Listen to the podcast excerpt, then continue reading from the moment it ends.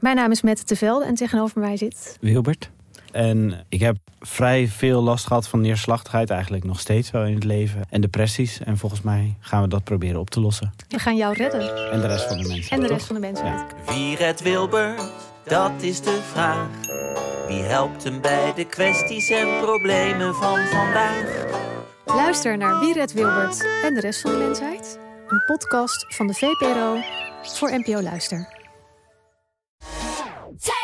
Het nieuwe album van Taylor Swift is uit. Ja, hier hebben we echt heel lang naar uitgekeken. Wat vind je ervan? Als je het mij vraagt, is Taylor Swift grappiger dan ooit op dit album. Ik denk dat om tot de kern van het album te komen, je echt het allerlaatste nummer moet weten te beluisteren. Misschien had dat wel het eerste nummer moeten zijn. In Taylor's era reviewen we de hele plaat, nummer voor nummer. Waar gaat het album over en waar staat het in het oeuvre van Taylor Swift? Luister nu naar Taylor's era op Podimo en Spotify. Dag wereldverbeteraars, duurzame drollies en mensen die denken ik zou wel iets willen doen, maar doe vrij weinig en ik heb geen idee hoe en wat. Help! Welkom bij Damn Honey. De podcast over shit waar je als vrouw van deze tijd mee moet dealen. Mijn naam is Nidia En ik ben Marilotte. en je luistert naar aflevering 49. Met vandaag in de studio Marike IJskoot. Ze weet alles en meer over duurzaam leven. Ze schreef het boek Dit is een goede gids. Het boek om te lezen als je een duurzame lifestyle ambieert, maar daar geen tijd, geld of gedoe in wil steken. Dus het boek is op mijn lijf geschreven. Iemand heeft het voor me uitgezocht. Welkom Marike, zo leuk dat je er bent. Zo tof om er te zijn. Ja, Echt ook het allerbeste. in het. je vakantie ook nog, hè, dat we Oh daar ja. eventjes Ja, extra hey, aandacht is- aan mogen besteden. Er is één ding waar ik mijn vakantie voor zou onderbreken of uitstellen. En dat is natuurlijk om hier te zitten. Nou, we love it. Zometeen meer over eh, duurzaam leven en ook over jouw nieuwe movement eh, die je aan het opstarten bent. Maar eerst, you know the drill. Marilotte, wat is het minst feministische dat je afgelopen tijd gedaan of gedacht hebt? Voor dit verhaal moeten we even terug in de tijd. Het Oh ja, je gaat een lang verhaal. Vier jaar, nee, niet lang. Het was vier jaar geleden. Ik zat op mijn kamertje een beetje te chillen. En toen ging de telefoon. En eh, het was een anoniem nummer. En ik nam op en er klonk een jongen aan de andere kant van de lijn en die zei: Hoi, ik ben van Volksgezondheid en ik doe een onderzoek naar seks en seksualiteit. Mag ik je een paar vragen stellen?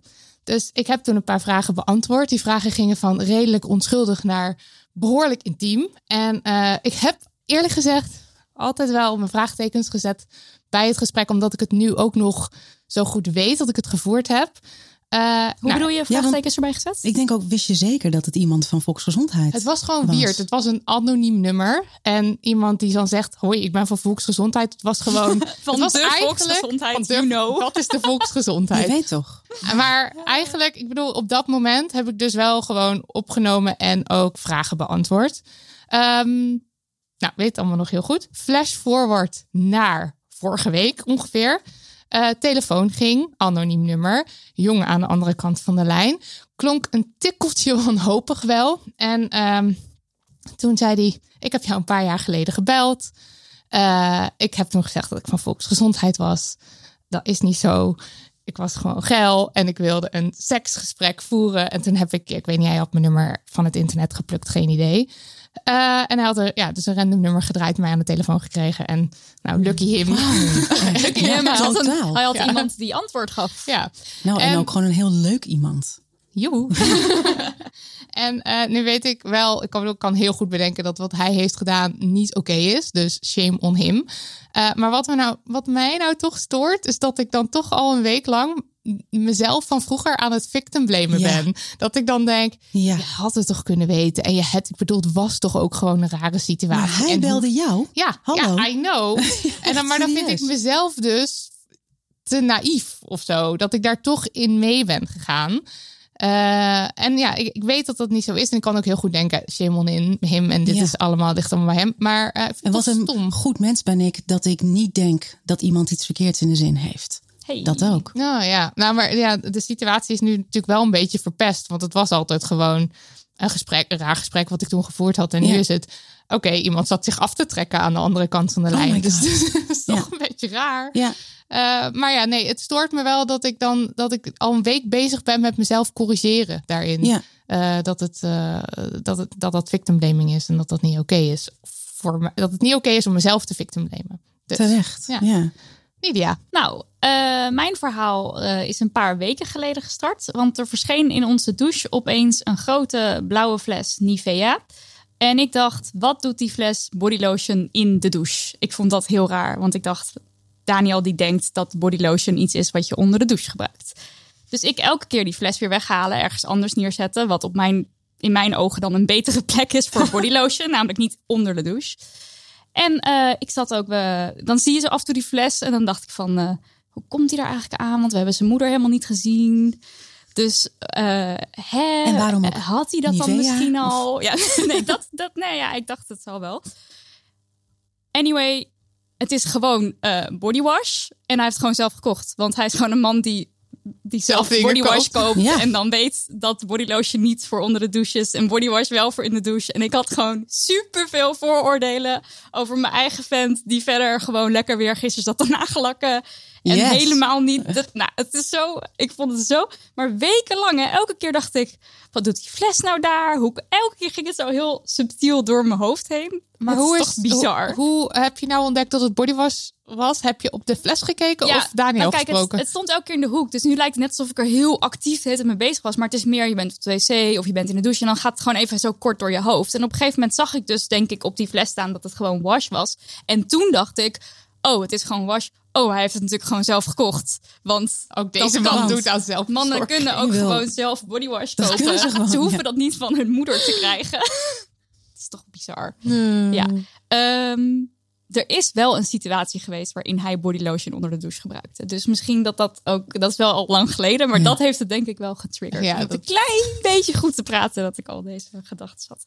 Marieke. Ja, ik ehm, wil even over geur praten. Oh ja, Ja. heel leuk. Hey, ik hoopte al dat dat een Ja. onderwerp ging zijn.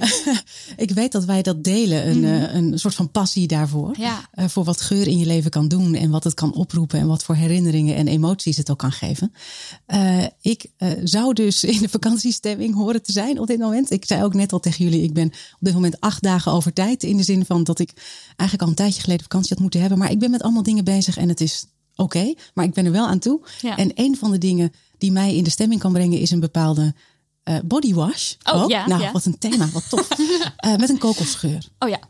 En ik koop die niet zo heel vaak, want ik doe vaak vrij lang ermee, want ik heb niet zo vaak vakantie. Dit is een heel- zielig verhaal. Zielig. Helemaal niet de bedoeling. Eh, maar goed, ik ging even online kijken om te zien of het er nog was. Voordat ik naar de winkel ga om het te kopen.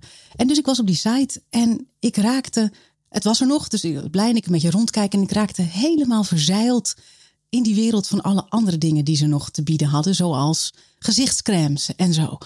En het ging over dat er probleemgebieden zijn. Oh ja. Eh, de verouderde huid. Ik denk, oh ja, ik ben wel ruim boven de 40 nu. Dus ik moet echt gewoon even kijken wat, ik hier, wat hier allemaal is.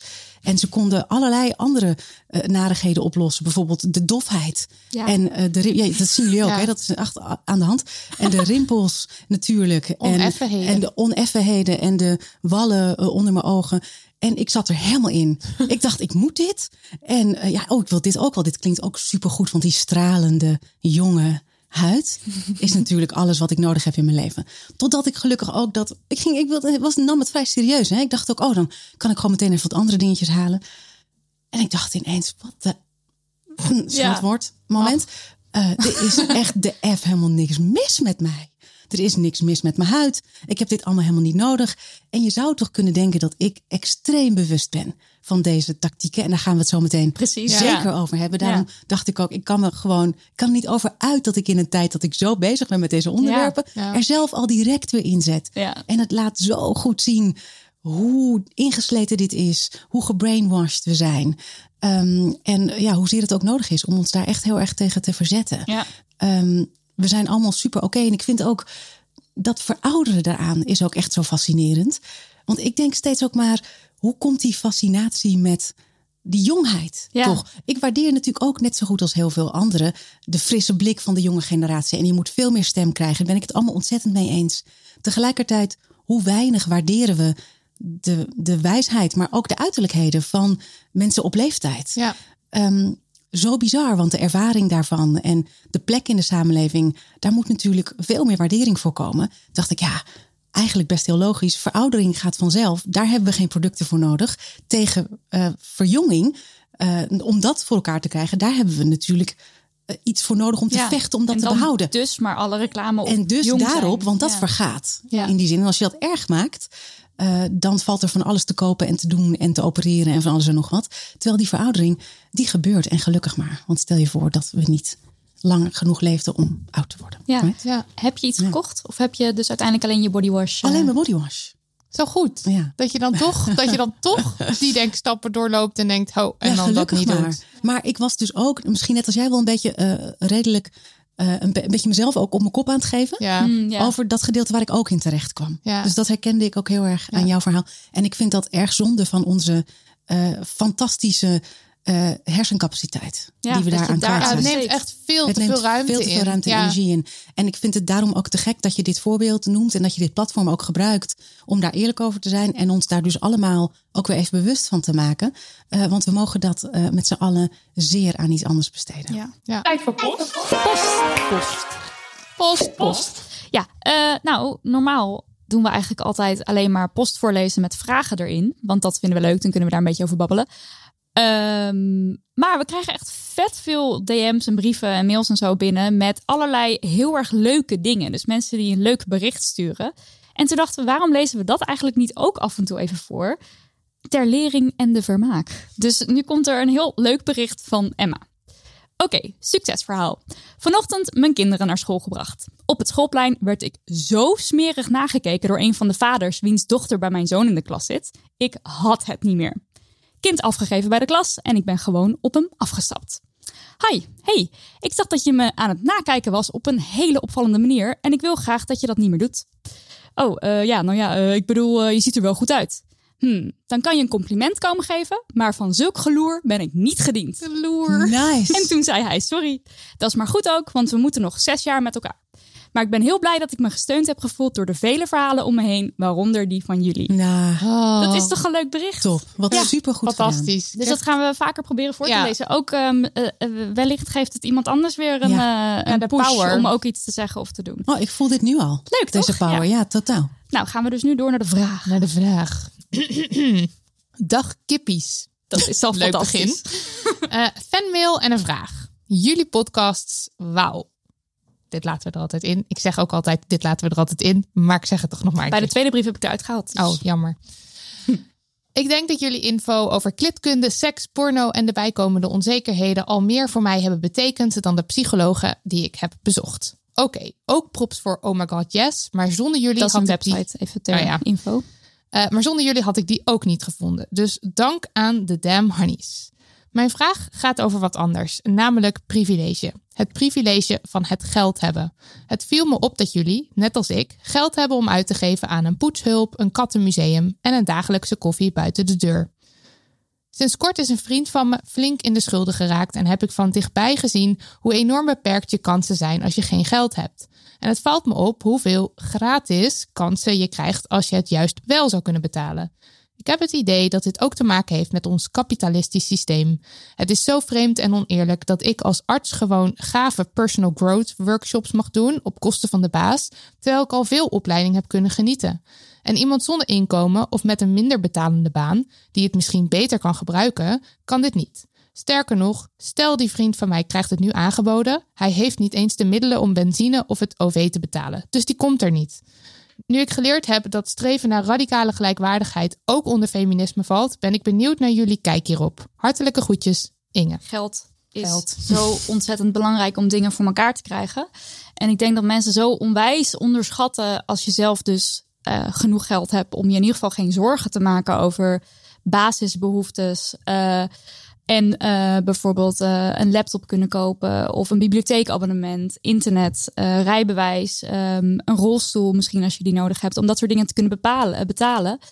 Als je dat niet hebt, dat geld, hoe, ja, hoeveel dat voor jouw leven betekent en hoeveel zorgen en stress Ja. dat ook meebrengt. Nog even los van een personal growth workshop. Misschien heb je niet eens ruimte in je hoofd om een personal growth workshop, te, te doen, doen. Omdat het gewoon een continue laag van ja, stress, denk ik, eh, op de achtergrond is waar je de hele tijd mee loopt. En het is een enorm privilege als je dat niet hebt. Ja. Ja. Ja. En die zichzelf versterkendheid eraan. Ik denk dat dat ook een heel essentieel iets is om ons bewust van te zijn. Ik herken dit bijvoorbeeld ook uit de kledingindustrie. Eh, ik heb het privilege eh, gehad om een aantal keer naar, naar kledingproductielanden te reizen. En met arbeiders die onze spullen maken, het te hebben over hun leven. Ehm, en het is natuurlijk daar ook vaak zo dat bijvoorbeeld een vrouw die kleren naait, de dochter is van een vrouw die ook kleren naaide. Ja.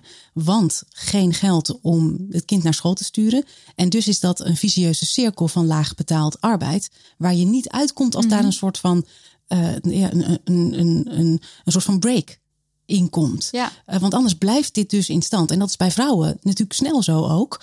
Eh, in, in laag gewaardeerd werk. In sommige landen waar je eh, minder onderwijs krijgt. Weet je, dat soort. Dus dat feministisch eraan zit er ook absoluut, denk Ja. ik. Als je het vanaf die kant bekijkt. Dus dit is overal op de wereld eh, aan de hand. En zeker ook in de landen waar eh, ja, voor ons de dingen die wij dan kunnen kopen met dat geld eh, worden gemaakt. Ja. Ja. Ja.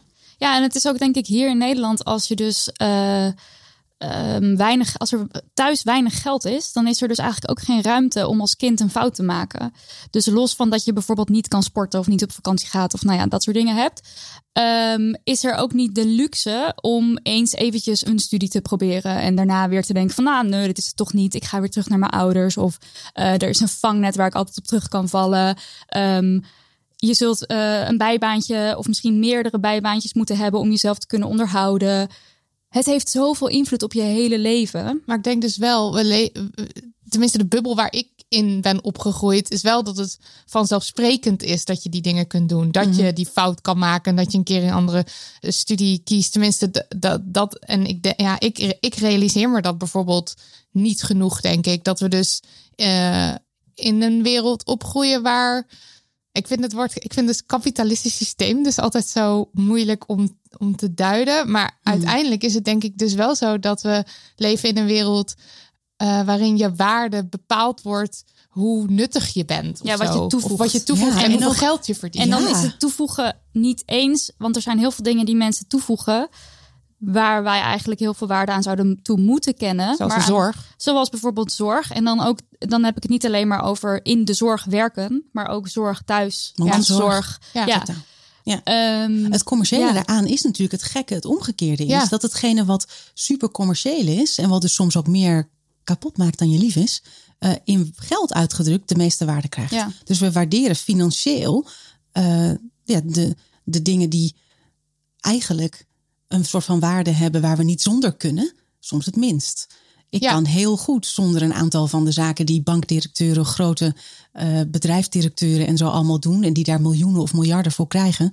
Dat, dat, ja, ik zou er niet per se erg wakker van liggen als dat er niet meer was. Ja. Alhoewel dat natuurlijk ook met werkgelegenheid, daar zit veel meer aan vast. Hè? Maar ja, de dingen die we hier heel direct nodig hebben om te kunnen leven en een samenleving te creëren, die vinden we financieel gezien nauwelijks belangrijk. Ja. Dus inderdaad, van de zorg, maar ook mensen die bij non-profits werken. Ons eigen werk. Er is heel veel aan eh, wat super scheef is in de samenleving. En ik denk Ja. dat dat een van de eerste dingen is die we zouden moeten doorbreken. En dat zouden we ook in politieke zin moeten uitdrukken. Ja. We kunnen in maart weer stemmen, jongens. ja, dat is zo. Meisjes. Jongens, Maar Ik zei het, ik herhaal het, ik is had het niet door. Dankjewel. ik- Had je het niet door? Nee. Oh, dat is fantastisch. Wij, toen wij hier, misschien moet ik het heel kort uitleggen, anders is het heel ingewikkeld. ik eh, shout-out naar mijn koordirigent Maarten, die eh, eh, van het Pop-Up Choir, waar ik een gesprek mee had van de week, omdat hij voor mijn koor staat, maar ook voor andere, allerlei andere orkesten, en probeert af te leren dat hij tegen iedereen zegt, jongens, en dan gaan we door. Ja. Ehm, dat laat natuurlijk enorm zien hoe dominant de mannelijke vorm in onze taal is. En je hebt ook guys en man en Ja. dat. En ik, wij kwamen elkaar net tegen, Marilotte en ik, want ik kwam aangefietst. En zij vroeg heel lief aan mij, heb je niet enorm door de regen gefietst? Want je komt van best wel ver. Ik echt zo, ja, zeker. Maar ja, ik ben lekker fris man, zei Oh, ik. ja, ja, Ik had niks En, door. en, en ik zei zelf. Hé, hey, dit is hem. Want ik wilde dus na dat gesprek met Maarten ook eh, zelf nadenken over welke vormen ik gebruik en die ik er graag uit wilde hebben. En daar kwam dus deze. eh, Ja. Kijk, maar we daar heb je hadden er dus wel, we hadden hier dus een brief over gekregen van Steve. Nu, ik- nu we het Ja, toch nu we eh, toch hebben. over hebben. Want hij zei dus, Eh, in aflevering 1 hebben we het over de term jongens. Het is zo een keertje voorbij gekomen. En het aanspreken van een groep mensen daarmee. In een andere podcast kwam ik erop dat jongens een afgeleide is van jong mens. Dit wordt tevens bevestigd op Wikipedia. Leuk. Eh, taaltechnisch vindt het woord de oorsprong dus in een verwijzing naar een jong mens of een jong iemand. En het is dus ook vrij inclusief. Ik begrijp dat taal heel krachtig is, maar is het met de oorsprong in het achterhoofd erg om de term jongens te gebruiken om een groep jonge mensen aan te spreken? Nou, ik denk dus dat we met z'n allen zo ver af zijn verwijderd van die oorspronkelijke betekenis dat we dat eigenlijk allemaal niet meer weten. Ik denk Plus- gewoon aan jongens. Ja, je denkt gewoon aan jongens. Eh, Plus, eh, wat jij net al zegt, man is inderdaad ook heel erg onderdeel van, van de taal. Dus het is niet alleen dit ene dingetje, het zijn meerdere dingen. Maar het zou trouwens ook kunnen dat het woord man dan weer afstamt van Van het woord mens. mens. dat Ja. kan En- zeker. Maar de connotatie die we nu hebben en het begrip mannelijk. wat we er nu van hebben is Ja. dominant mannelijk. ik zou het heel leuk dat vinden hoor, om al die achtergronden te weten. Maar dan zouden we een grote campagne moeten starten, denk dat ik. Omdat, iedereen het ja. weet. Nou, het En- leuk dat we dit even zo onderscheiden tussendoor. En terug. Ehm, ja, over dat, over politiek ook. Ehm, bedrijven die nauwelijks belasting betalen. eh, mensen die echt miljoenen hebben, die daar nauwelijks, of nou niet nauwelijks, maar die daar veel van mogen houden, terwijl daar veel meer. Wat, wat moet je met miljarden? Ja, want eventjes... Hoe, hoe heet de beste vent ook alweer, die rijkste man van de wereld? Jeff Bezos? Dat ik. Ik, Oké, ik heb het dus nu allemaal niet scherp, dat, denk ik? omdat ik Ja. niet goed met Ja. getallen ben. Maar ik zag dus dat dan zoveel jaar voor Christus, als je dan elke dag, als hij elke dag 2000 euro zou hebben, dan nog zou hij dan nu eh, nog steeds. Nou, of wa- het was bizar. Echt, het ging over bedragen dat je gewoon. Je weet niet wat je leest. Ondertussen, hij is dus de baas van Amazon, worden er mensen uitgebuit. Het is allemaal over de rug van anderen Ja. dat rijke mensen vaak rijk zijn. Er zijn, denk ik, weinig mensen die loeilaaiend rijk zijn. Die kunnen zeggen, ik heb iedereen altijd 100% helemaal eerlijk goed betaald. Iedereen. Niet alleen mijn werknemers hier in Amerika, maar ook de mensen die het moeten maken voor mij in, nou, noem een land, Ja. eh, in Vietnam eh, iets voor mij moeten in elkaar moeten zetten. Het kan niet langer. En het is Hoe- zo... hoezo, hoezo accepteren we dit met z'n allen? En het is zo raar ook dat als je, als je geen geld hebt of als je, weet ik veel, om wat voor omstandigheden, wat voor reden dan ook bijvoorbeeld een, een uitkering nodig hebt of zo, ligt daar een enorm stigma op. Want Ja. dan ben je weer lui of eh, je zal het zelf wel uit, of je zal, je zal wel niet goed met je geld om kunnen gaan. Dat ook, of, hè? Ja. eh, je, je faked gewoon je ziekte, weet ik veel. Want er zit zoveel vooroordeel Mega. als je geld nodig hebt of je, of je kan bijvoorbeeld niet werken, geen idee. Eh, dat is zo naar. Ja, is Ja. heel naar. En terwijl rijk zijn dus inderdaad heel goed is. Ja. Ja. En dat is best heel gek. Sowieso vraag ik me zo vaak af... hoe accepteren we met z'n allen nog dat we hier in de winkel... eigenlijk bijna alleen maar producten kunnen kopen... die gemaakt zijn met uitbuiting? ja, Ja. Hoezo vinden we dat normaal? Komen we daar niet massaal tegen ten opstand? ik denk dat En mensen gewoon heel dat? vaak, inclusief mezelf, dat je daar heel vaak niet over na wil denken Nee, dat je dat het snap ik uitzet. ook goed. En dan Ja. bij kleding heb ik dan, die, die heb ik dan wel die stap gemaakt. Nou, maar nu we dus bijvoorbeeld eh, Toby, onze puppy, hebben, nou dan moet je dus allemaal spullen kopen. Ja. Ik heb niet bij al die spullen nagedacht van, eh, oh, is dit wel duurzaam? We hebben wel wat tweedehands dingen gekocht, maar er staat daar een cozy cave. Geen idee hoe die gemaakt is, door wie die gemaakt is. Maar goed, dat is dan, voel jij als jouw verantwoordelijkheid. Ja. Dat snap ik ook. En dat vind ik gedeeltelijk ook terecht. Eh, we moeten daar met z'n allen verantwoordelijkheid voor nemen en vragen over stellen. Eh, want steeds als jij iets koopt, dan zeg je natuurlijk: Ik vind het heel goed wat jij maakt, bedrijf. Hier heb je mijn geld om Ja. ermee door te gaan. Dus jij sponsort dat. ja. Absoluut. Tegelijkertijd moeten we dit als samenleving met z'n allen niet meer accepteren. En moet daar wet en regelgeving voor Dus komen. inderdaad vanaf Dus hoger niveau. Dat is allebei aan de hand, denk ik. Het is jouw verantwoordelijkheid als consument, maar ook als burger. En als stemmende burger om dus op politieke partijen te stemmen die hier paal en perk aan willen stellen. Ja, en het gekke is dus eigenlijk dat, dat eh, bijvoorbeeld in Amerika wordt er dan gestemd op iemand als Trump. En dan, het is eigenlijk zo raar dat mensen dus liever stemmen. eh, wacht, in de podcast van eh Dipsaus met Gia Tolentino zegt zij op een gegeven moment iets, ik bedoel, is even een parafrasering. In Amerika denken mensen dat ze één goede dag verwijderd zijn van rijkdom en welvaart. En dus stemmen ze op mensen als Trump, die miljonairs de hand boven het hoofd houden. Terwijl de realiteit is, ze zijn één slechte dag verwijderd van ellende. Ja. En ik denk Goeie dus dat er is een soort van. En in- Nederland zal het ook zo wel werken in de hoofden van de mensen. Misschien een beetje een soort light versie ervan of zo. We dromen liever dus van fortuin en geld voor onszelf, voor onszelf. Zodat wij, weet ik veel, eh, bewondering krijgen of lof of zo. Eh, dan dat we denken: God, wat zou het heerlijk zijn als we in een wereld leven waar iedereen gewoon lekker zijn ding kan doen. Ja Ja. en nee, denk ik hiervan. Ja? Want ik voel toch ook echt wel verandering hoor, hier nu. We leven volgens mij ook wel echt in een tijd waarin mensen bewuster worden en daar ook meer consequenties Hm. van zien. Ehm, ik heb het idee dat er heel veel in beweging is op dit moment. En dat als er een moment is om eh, ja, daar een soort van stap in te zetten en daar verder in te komen, heb ik dat gevoel meer nu dan een paar jaar geleden, Hm, ja. bijvoorbeeld. Dus ik denk ook dat we die energie en dat gevoel wel moeten pakken. Ja. Eh, en daar ook, eh, ja, daar ook van moeten zien hoe veel potentie dat heeft. Eh, ja, om daar ook echt vooruitgang in te maken. Ja. Ja.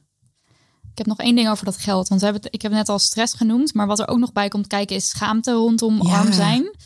Wat ook veel ruimte in je hoofd inneemt. Want ik, ik kom dus uit een gezin waar weinig geld was. En ik heb altijd allerlei dingen willen verzwijgen voor mensen en verstoppen. En kost ook heel veel moeite. En het is natuurlijk ook heel apart dat dat, dat iets is om je voor te schamen. Mhm. Ik heb geen geld. Dat is toch raar? Ja, Zeker omdat in we de- dus die waarde toekennen aan, aan geld verdienen. Ja. Zeker. Zeker ook in deze tijd, hè, waarin de tegenstellingen steeds scherper worden. Door corona is er van alles veranderd in wie er wel verdient, wie er niet verdient. En ja, wat de mogelijkheden ook zijn Ja. in de kunsten. Eh, als je op het podium staat. eh, ik verdien mijn geld als presentator, dagvoorzitter en spreker. En heb weg. sinds februari geen inkomen meer. Ja.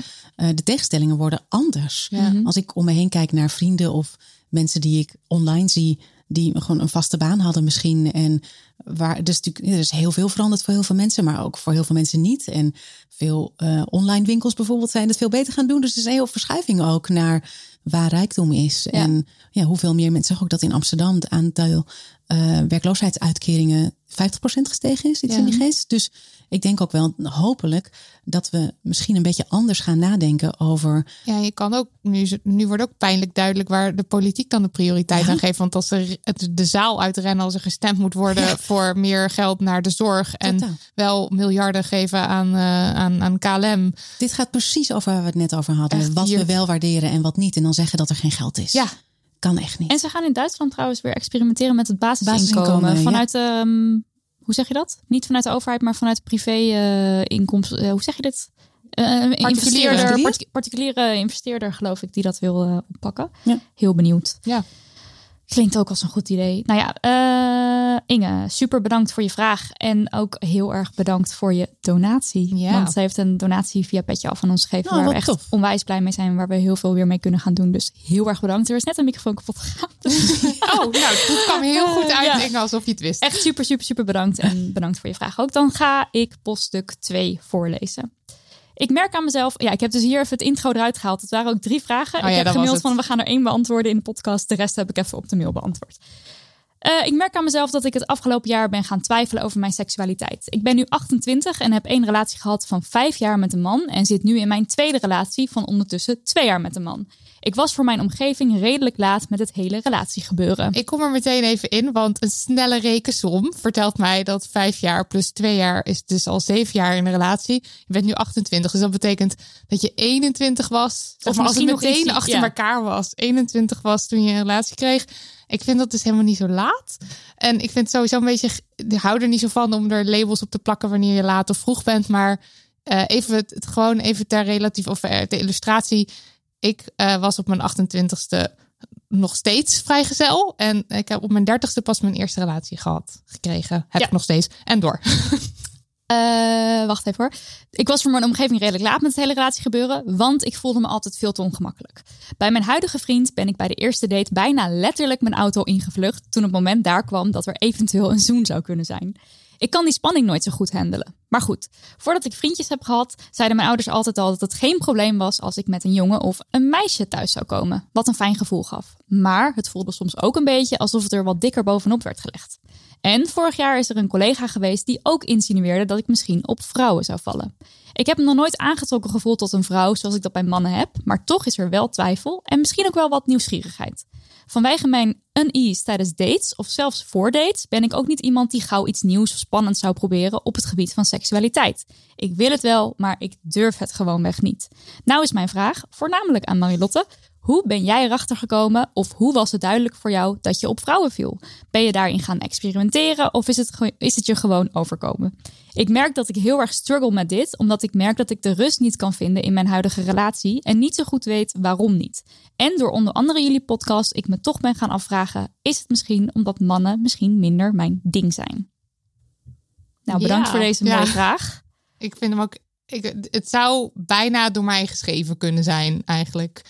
Klinkt heel herkenbaar. En eh, Je had ook vroeger dat je ouders wel zeiden van eh, ja, meisje, van eh, meisje ook goed, maar dan wel die hihi haha erachter toch een beetje dat, dat het als iets.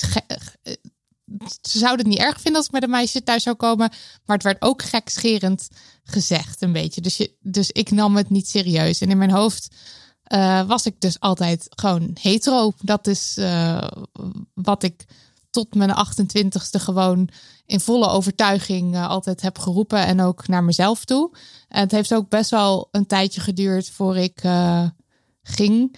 Voor, voordat ik soort van aan de gedachte gewend was geraakt van, oh, nou misschien zijn meisjes dan ook wel een serieuze optie. Maar over dat hetero zijn, want je dacht dus ik ben hetero. eh, Kwamen daar dan ook bepaalde aantrekkingskrachtgevoelens bij? Zoende je met jongens of had je seks met jongens? Of was het, of, of was het een label wat je zelf opplakte zonder daar verder... Het was een label wat ik, nou ja, kijk, ik kon me wel. mm, Ik hield ook gewoon heel erg van romantische films. Dus ik was een beetje geconditioneerd in het. Ik voel me aangetrokken tot jongens. En later krijg ik een vriendje. En later ga ik En seks hebben liefde, met. Ja, ja.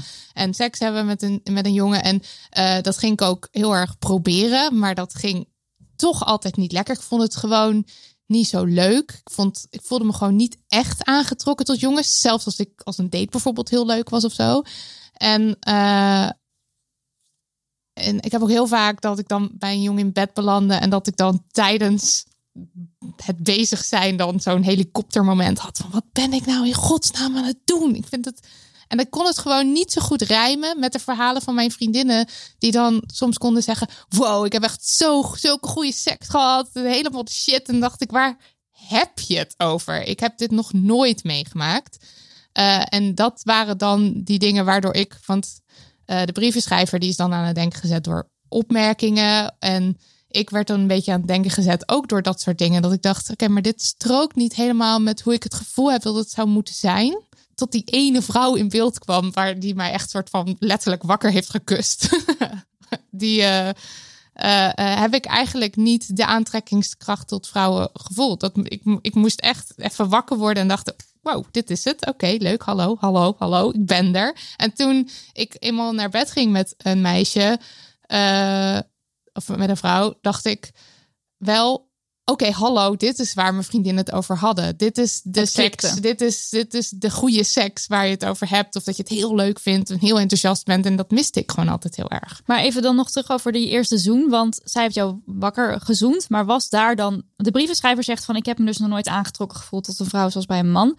Had je dan bij haar voor die zoen wel al dat je dacht van... Wow. Of, of ging je zoenen zo van ik doe het maar gewoon eens. En- Nee, ik had wel, want ik had een beetje het geluk dat zij. eh, zij was een vriendin. En dus dan zie je haar vaker. Dus dan kan dat gevoel een beetje groeien. Dus ik had wel een soort, soort mens waar ik het zeg maar op kon, kon projecteren. Ja. Dus dat scheelde wel. Eh, en, en toen daarna ben ik, heb, dacht ik wel van oké, ik denk dat dit toch iets is. En het is heel raar dat ik dit gevoel niet eerder had en dat dit nu opeens er wel is. Maar het is er. En ik denk dat ik dus maar eens gewoon op een date moet gaan. Dus ik heb toen eh, een Tinder date gehad.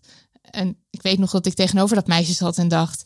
Ik weet nou niet of we nou een vriendschappelijk gesprek aan het voeren zijn of dat we eh, op een date zijn. En ik wist dat we op een date waren, want het was via Tinder. Dus het was wel vrij kon shady. Die mezelf regels die waren er. wel ja, ja. vertellen van oké, dit is een date, maar het was wel.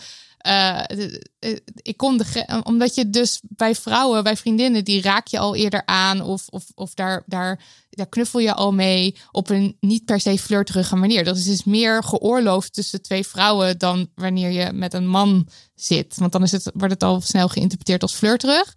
Dus ik kon de grens gewoon niet zo goed vinden. En daar moet je echt een beetje in zoeken. Ja, het is spannend, maar het is ook best wel weer leuk eigenlijk. En eh, ik denk dus, mijn eerste stap is een beetje is, is het uitspreken van, eh, van eh, eh, de, De- de, de wens. twijfel ja, de twijfel en de, en de wens dus om het misschien dus een keer met, met een vrouw te proberen.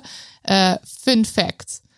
Die, de jongen, komt het. Ja, de jongen in de, in, waar ik het over had in mijn minst feministische ding, is misschien wel, misschien niet degene aan wie ik dus verteld heb van nou, vrouwen zijn denk ik the way to go. dus daarom is dat gesprek mij toen ook zo Dat was voor het eerst dat je dat hardop durfde te dat ik zeggen. hardop durfde te zeggen dat ik me aangetrokken eh, voelde tot eh, vrouwen. Of dacht dat dat misschien een optie was. En eh, het, het hielp dus heel erg voor mij om het hardop te uit te spreken. Ook al was het dus nu tegen een vreemde. En mijn vriendin bijvoorbeeld, Cato, die heeft ongeveer hetzelfde gedaan. Die had net een rijbewijs, heeft de auto van de ouders gepakt, eh, is gaan rijden, heeft de muziek heel hard aangezet en heeft elkaar ik ben lesbisch, wat een geweldig verhaal. Heerlijk. Dus het Zo goed. helpt al als Ja. je de vermoedens hebt. En het voelt, eh, want daarna voelde zij zich ook van: nee, niet zo aanstellen. Ik ben, ik ben gewoon hetero. Weet je wel, de- dat gevoel, je moet het ook shaken, denk ik, omdat, er, omdat we de neiging hebben labels te plakken. En mijn gevoel bijvoorbeeld was dat ik niet, dan niet gay genoeg was. Want hoe kan je nou 28 jaar denken dat je hetero bent en dan opeens val je op vrouwen? En ik voelde me een beetje een soort aansteller of een soort imposter. Of gewoon niet gay genoeg voor het label gay. En, eh, en daar, daar moet je dus ook een beetje overheen. Wat En- hebben we die hokjes? Ja, echt het is gewoon een heel proces. Dus We hebben ze zo ongelooflijk eh, strak. ja, en daar moet je dus en- eerst uit. Oh, ja, en daarna totaal. denk je van waar pas ik dan in? En dan ga je zo. Ik heb eerst, eerst ging ik iedereen vertellen, nou, ik denk dat ik bi ben.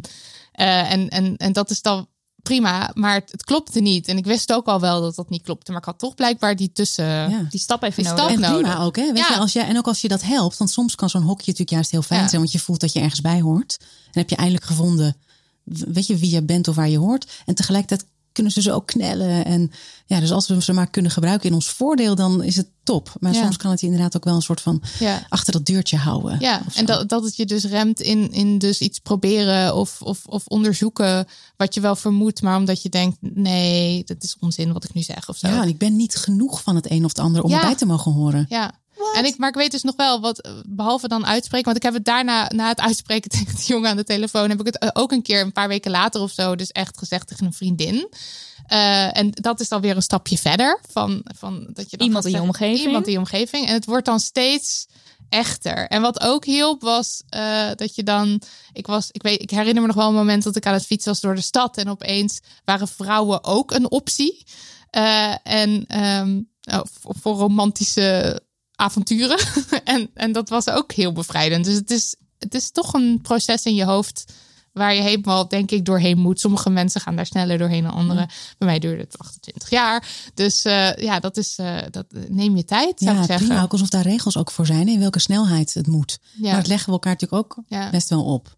Zoveel taboes en normen en regels voor hoe het moet zijn. Ja, ja, ja, precies. Ja. Ja, en misschien ook wel dat je dan. Je hoort natuurlijk heel vaak van mensen die zeggen: ja, maar je weet het gewoon. Ja. En dat is toch ook een beetje. Ik dat wist niks. is dus niet. Niet voor iedereen geldt dat Nee. dus. Dus dat is ook een soort schijnding. Ja. Ja. Dat je dan aan jezelf gaat vertellen van ja, maar de- als ik, ik had het dan al geweten, want je weet het blijkbaar gewoon. Nee, Ja. sommige mensen weten het niet gewoon. En dat komt je ook ook- door al die dingen die je de hele tijd te zien krijgt, die je hoort. Dat heeft zoveel invloed op ons. Ja. Zeker. En alsof je ook niet kan veranderen. Dat ook. Ja, dat. Ja, ja. Wel, nou, nou, ik ga nu even een Oh, boek komt- noemen. Ja. Ik ben dus Ongetemd Leven aan het lezen van Glennon Doyle. Ik heb het nog niet helemaal uit, maar ik vind het erg fantastisch. En zij eh, is getrouwd met een man. En op een gegeven moment is ze gewoon head over heels. Ze ziet een vrouw en ze is meteen helemaal van de kaart. Het is geweldig om te lezen, want het is echt, ze zien elkaar en het is bam, liefde. Terwijl ze elkaar amper spreken of, of aanraken.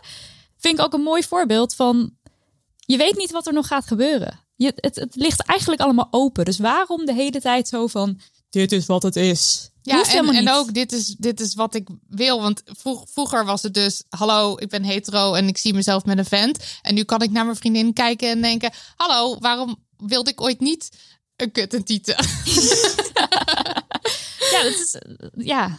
Dus Dus het veranderen, alles ja, je, ver- je verandert zelf. En weet ik veel, straks denk je over tien jaar weer heel anders. Of voel je weer andere dingen. Dus En ja, dat is geef jezelf En dat is dus ook Ja. oké. Ja. Precies wat ik wilde zeggen. Net zo goed. ja, precies. Het, is allemaal, het is niet zo dat de gedachten of de gevoelens van nu beter zijn dan die over tien jaar of van tien jaar geleden of zo. Heer, heer. Je, je, je verandert gewoon in, in het, en het ontwikkelt zich. En eh, Ja. nu ben je opeens gay. Dat is niet iets wat is. Nee, en het, is ook niet een soort eindpunt. Nee. En, misschien, en als dat ook wel zo is voor jou, ook helemaal goed. Oh ja, Ja. tuurlijk, tuurlijk. Maar het is niet Ja. dat mensen het mogen inzetten van... Nee. oh, en nu, ben jij opeens, nu wil je opeens met ons meedoen of zo, weet je wel? Want Ja. ik- Marilotte, jij vertelde gisteren aan mij... dat jij veel uitging ook in de gay scene Ja. al.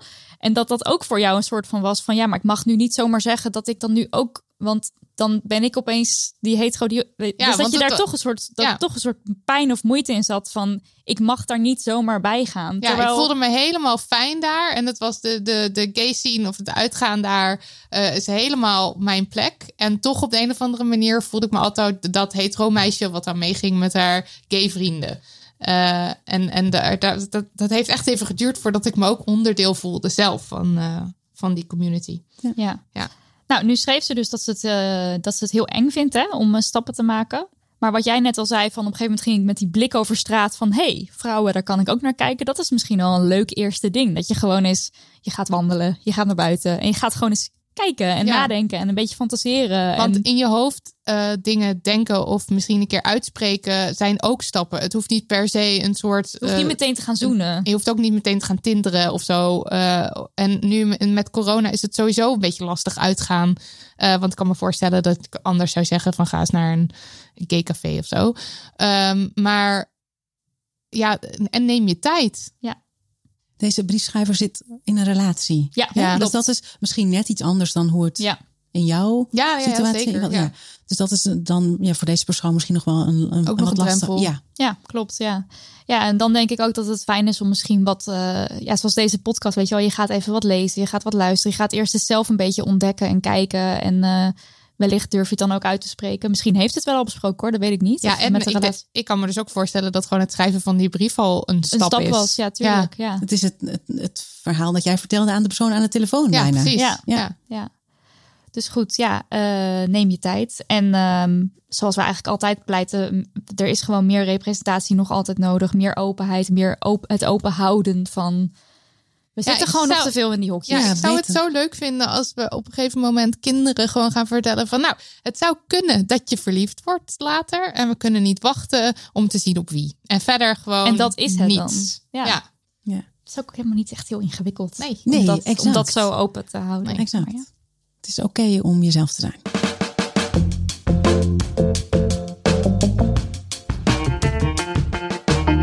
Moeten het even hebben over duurzaam leven en wat ons tegenhoudt. En over duurzaam leven en hoe het toch voor elkaar te krijgen. En als het om duurzaamheid gaat, is Marike IJskoot misschien wel de expert van Nederland, aangezien ze de Bijbel der Nou. duurzaamheid schreef.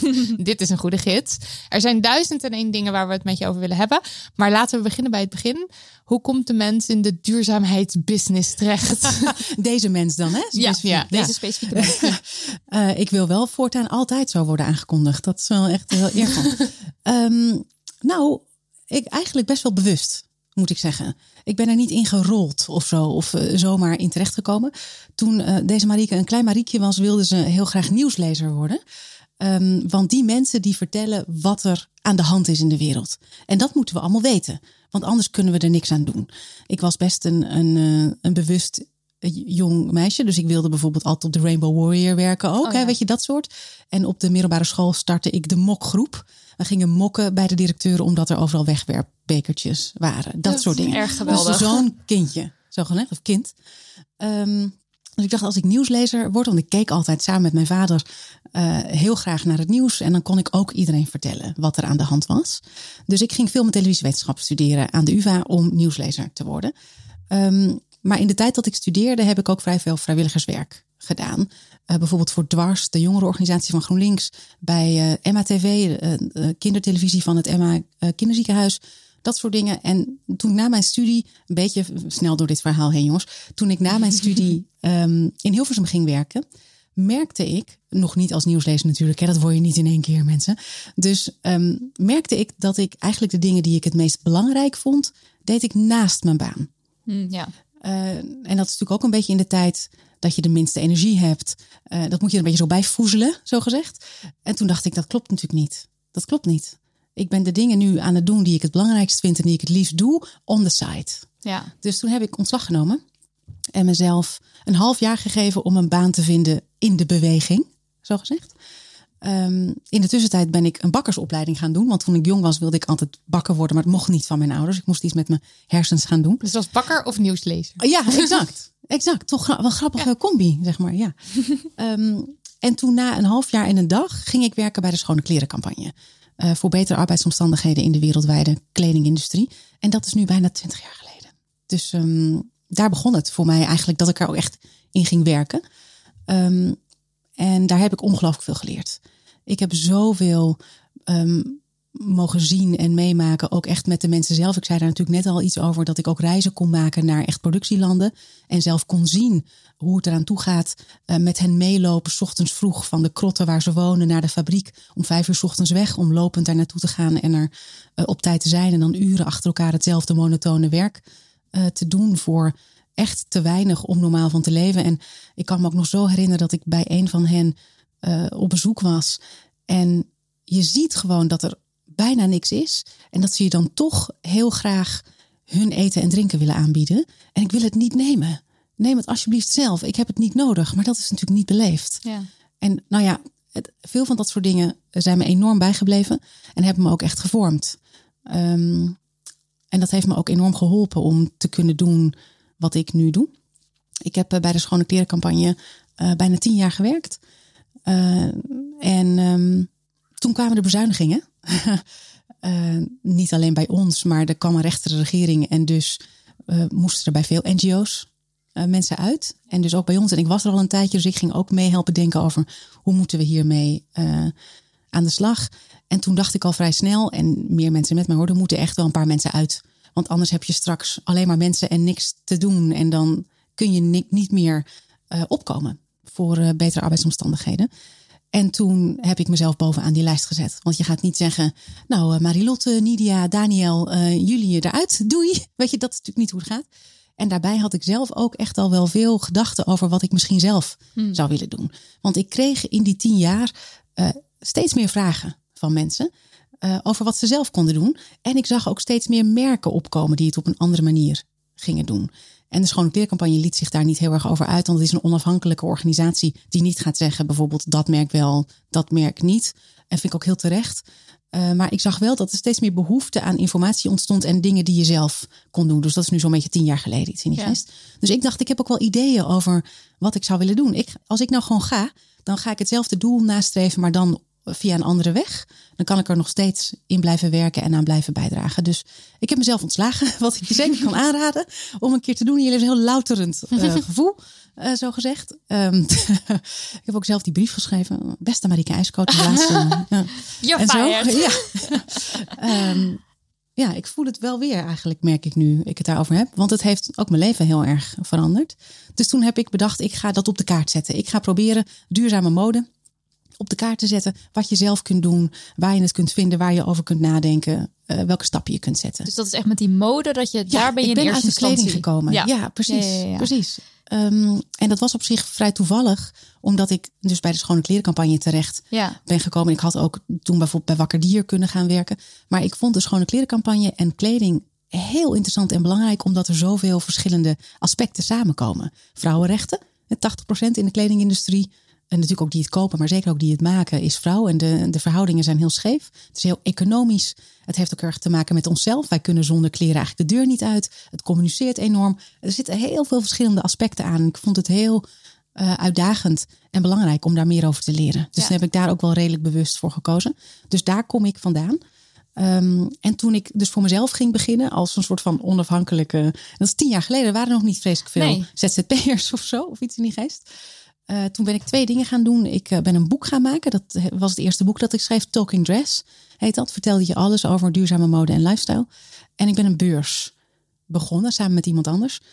Wat helemaal niet mijn droombaan was, helemaal niet. Maar het is nog steeds wel zo. Het wordt misschien nu door corona een beetje anders. Maar dat op beurzen, kledingbeurzen, wordt ingekocht. Wat de winkels straks in hun winkels hebben. Dus als daar geen duurzame mode wordt aangeboden, komt het niet in de winkels. Dus dat stapje terug wilde ik zetten, omdat zoveel mensen er naar zoeken. Maar het aanbod was toen nog veel kleiner dan nu. Dus dan moet het op een beurs komen, want dan gaan de inkopers ook denken: ah, dat is te gek. Ja. En wat een bonus dat het ook nog een goed verhaal heeft. Dus ik ben Mint, heette dat, is onderdeel van Modefabriek, de grote beurs. Daar ben ik gestart en een boek eh, gaan maken en er lezingen over gaan geven en zo. Dus zo kwam dat eigenlijk. En het is natuurlijk zo dat op het moment dat je over één aspect in je leven nadenkt, kleding, dat dat een soort van ja, Gaat rollen, ja. Knikken, fantastisch. Uh, en ja, ik kwam al natuurlijk uit een vrij bewuste omgeving, ook bij de Schone Klerencampagne in je werk. En ik had al vrij veel vrijwilligerswerk gedaan. Dus ik deed een aantal andere dingen in mijn leven ook wel. Maar ik merkte dat dat bij steeds meer mensen zeiden ook meer vragen over kregen. Eerst kreeg ik alleen vragen over kleding. En toen ook over bijvoorbeeld verzorgingsproducten, Ja. accessoires, ehm, reizen, dat soort dingen. Eten, dat gaat natuurlijk bij mensen steeds verder.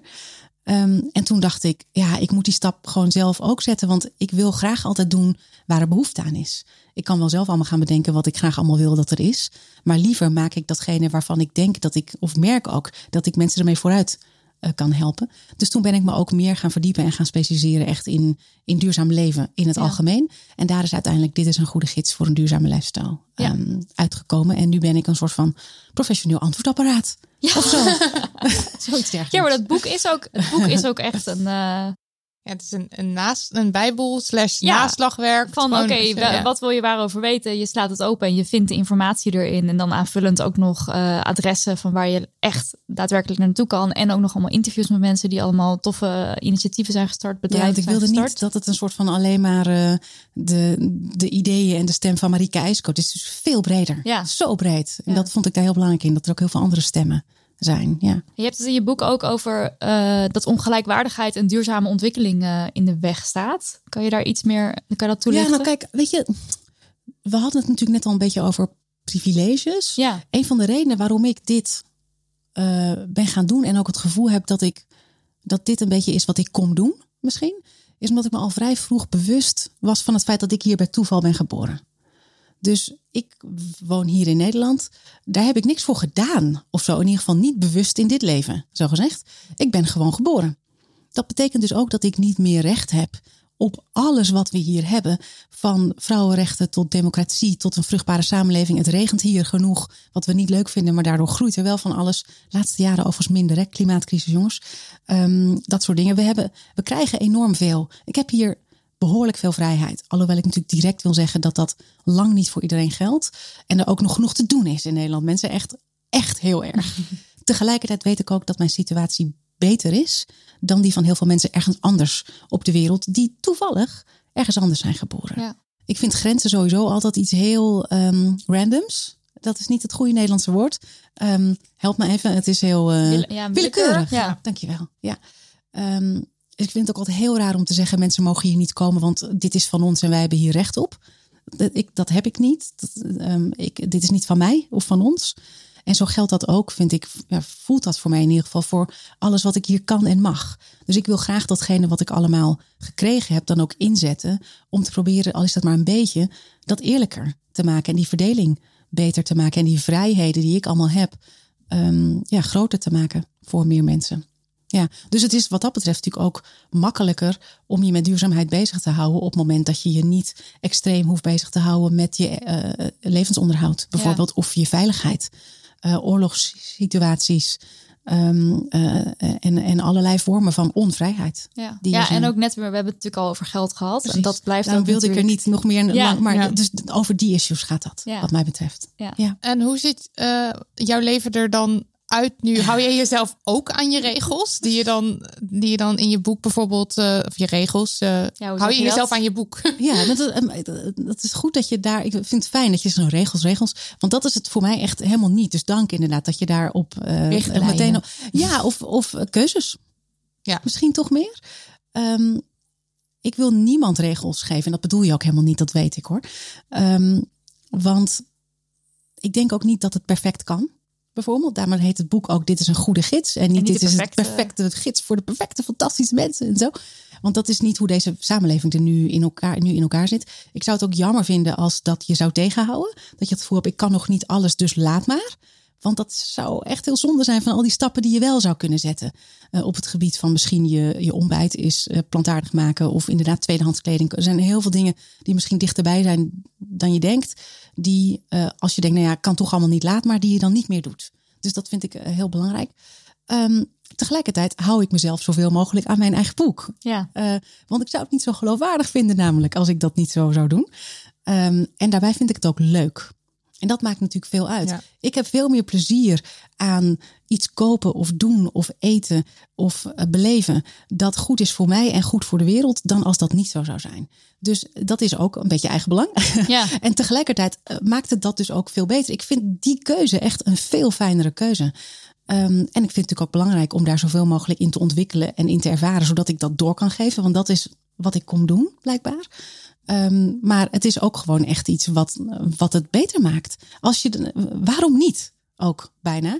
Ehm, behalve natuurlijk als je daar op een situatie bent in je leven dat je daar gewoon geen ruimte voor kunt maken. En daarin vind ik dus ook eh, dat het een, een veel grotere verantwoordelijkheid van de samenleving in zijn geheel is. Ja, wat je dat net dit ook al normaal. Ja. wordt. Ja. Ja. Nou hebben we wel de, eh, online gevraagd van nou heb je een vraag voor Marieke? En eh, een vraag die wel echt heel veel terugkwam, die Ja. je waarschijnlijk veel zal krijgen, is ervaar je wel eens wat mensen dan vliegschaamte noemen of eh, rondom vlees eten?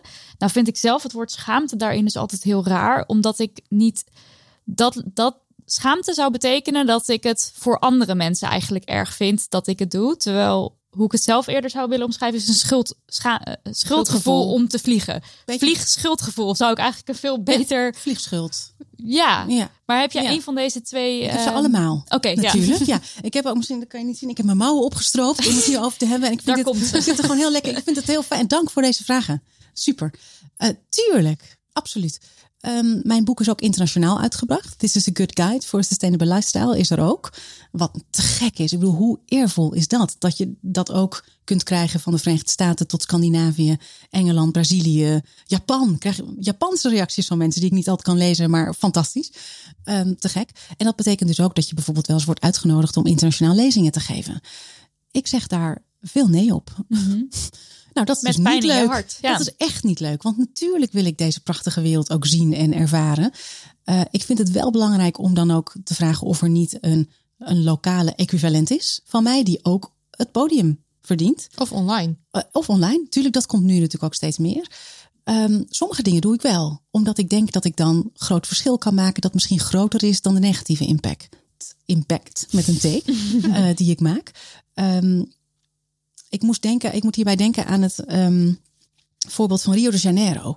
Ik werd uitgenodigd om te komen spreken op de openingsdag van Ethical Fashion Rio de Janeiro. Nou, hallo, ehm, dat wil ik wel. Maar dat, is een, eh, dat zou een sessie zijn van een kwartier tot een half uur. eh, om heen en weer te vliegen naar Brazilië. Daarvoor, dat kan ik echt niet. En dat is natuurlijk het allerergste, wil je echt geen nee tegen zeggen. Maar ik wil ook veroorzaken dat zij zelf ook nadenken over dat dat misschien gewoon niet het beste idee Mhm, is op ja. de hele wereld. Dus dan zeg ik terug, ik kom niet op en neer voor één dag en ook niet voor twee. Als je denkt, ik blijf dan nog even wat langer. Als ik twee weken kan blijven, dan kan ik met heel veel mensen daar praten. Ik kan veel kennis delen, ik kan zelf veel kennis meenemen. Dan kunnen we een veel groter effect eh, bereiken. Eh, dat zou ik wel overwegen, om een langere Ja. tijd te komen.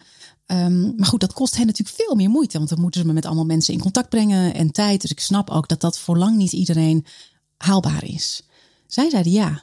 Hmm, ja. En dus ben ik twee weken naar Rio de Janeiro geweest. Ik heb dat zelf betaald, dat, die verlenging, zeg maar. Ehm, maar heb dus wel heel veel kunnen doen, heel veel kunnen leren, kunnen overbrengen eh, en kunnen meenemen natuurlijk ook. Ehm, dus nee zeggen helpt soms, wat dat betreft. Dat is sowieso natuurlijk zo. En maar ik moet sowieso vaak eh, nee. Ik word ook wel veel gevraagd om bijvoorbeeld eh, eh, spullen te accepteren en daar dan Ja, over ja. te delen. Ik, Ja. ik zie mezelf helemaal niet als een influencer. Zo zien andere mensen mij misschien wel. Ehm, en ik vind, het, ik, ik vind het heel belangrijk om dat niet te doen. En, maar ook heel moeilijk. Ehm, kennis is super kwetsbaar. Dat moeten we echt verdedigen met z'n allen.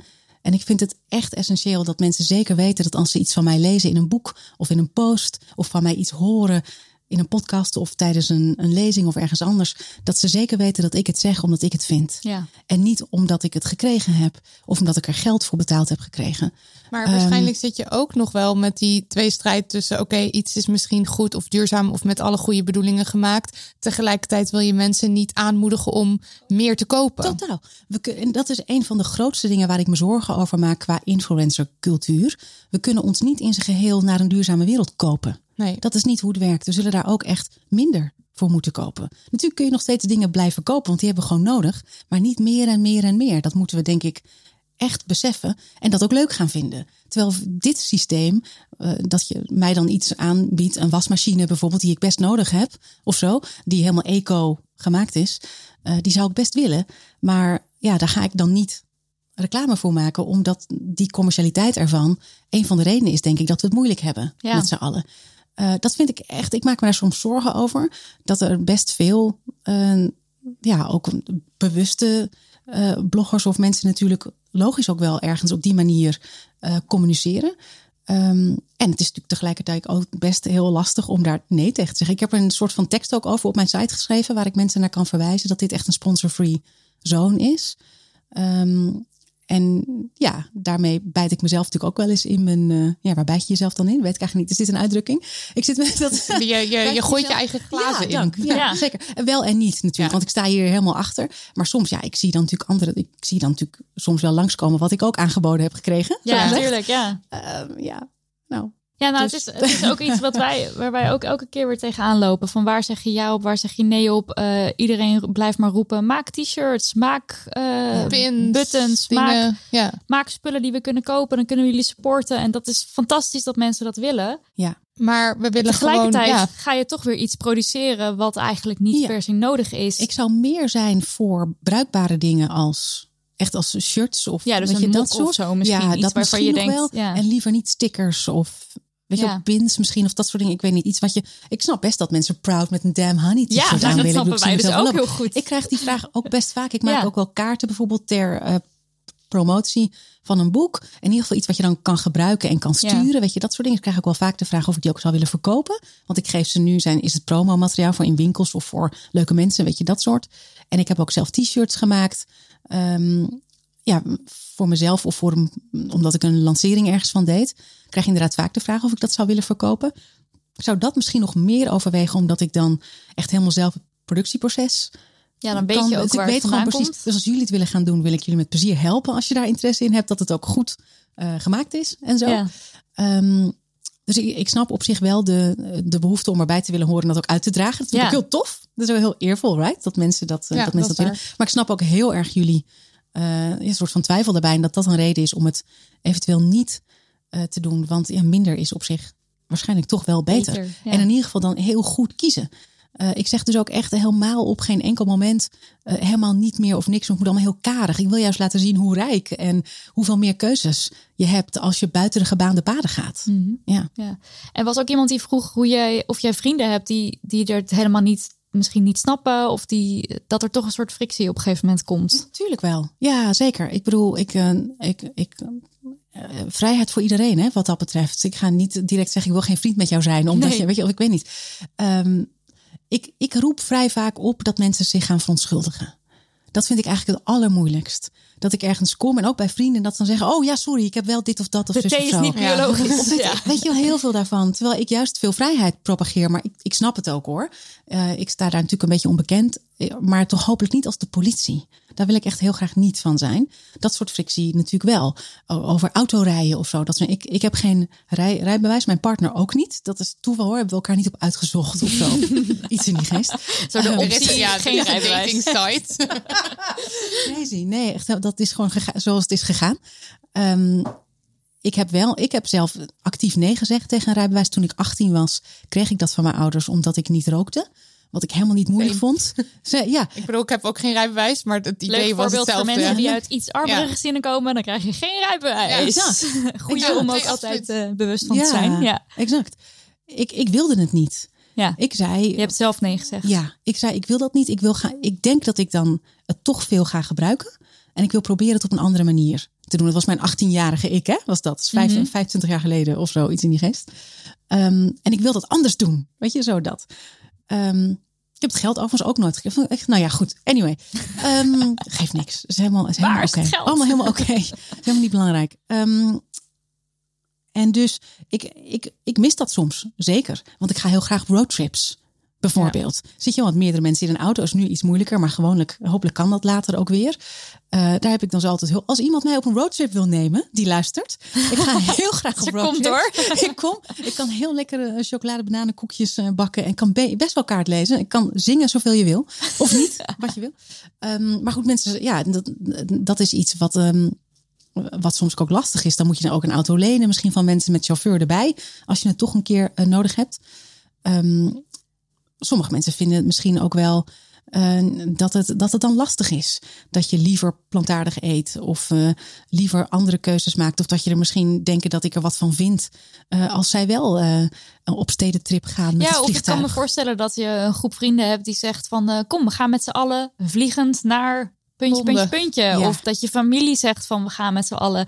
Dat er keuzes worden gemaakt waar jij Ja. eigenlijk niet achter staat, maar dat je tegelijkertijd toch denkt van oh, maar daar wil ik wel bij zijn, want Ja. het is een zoveeljarig huwelijk of weet ik veel wat precies, het is. Precies.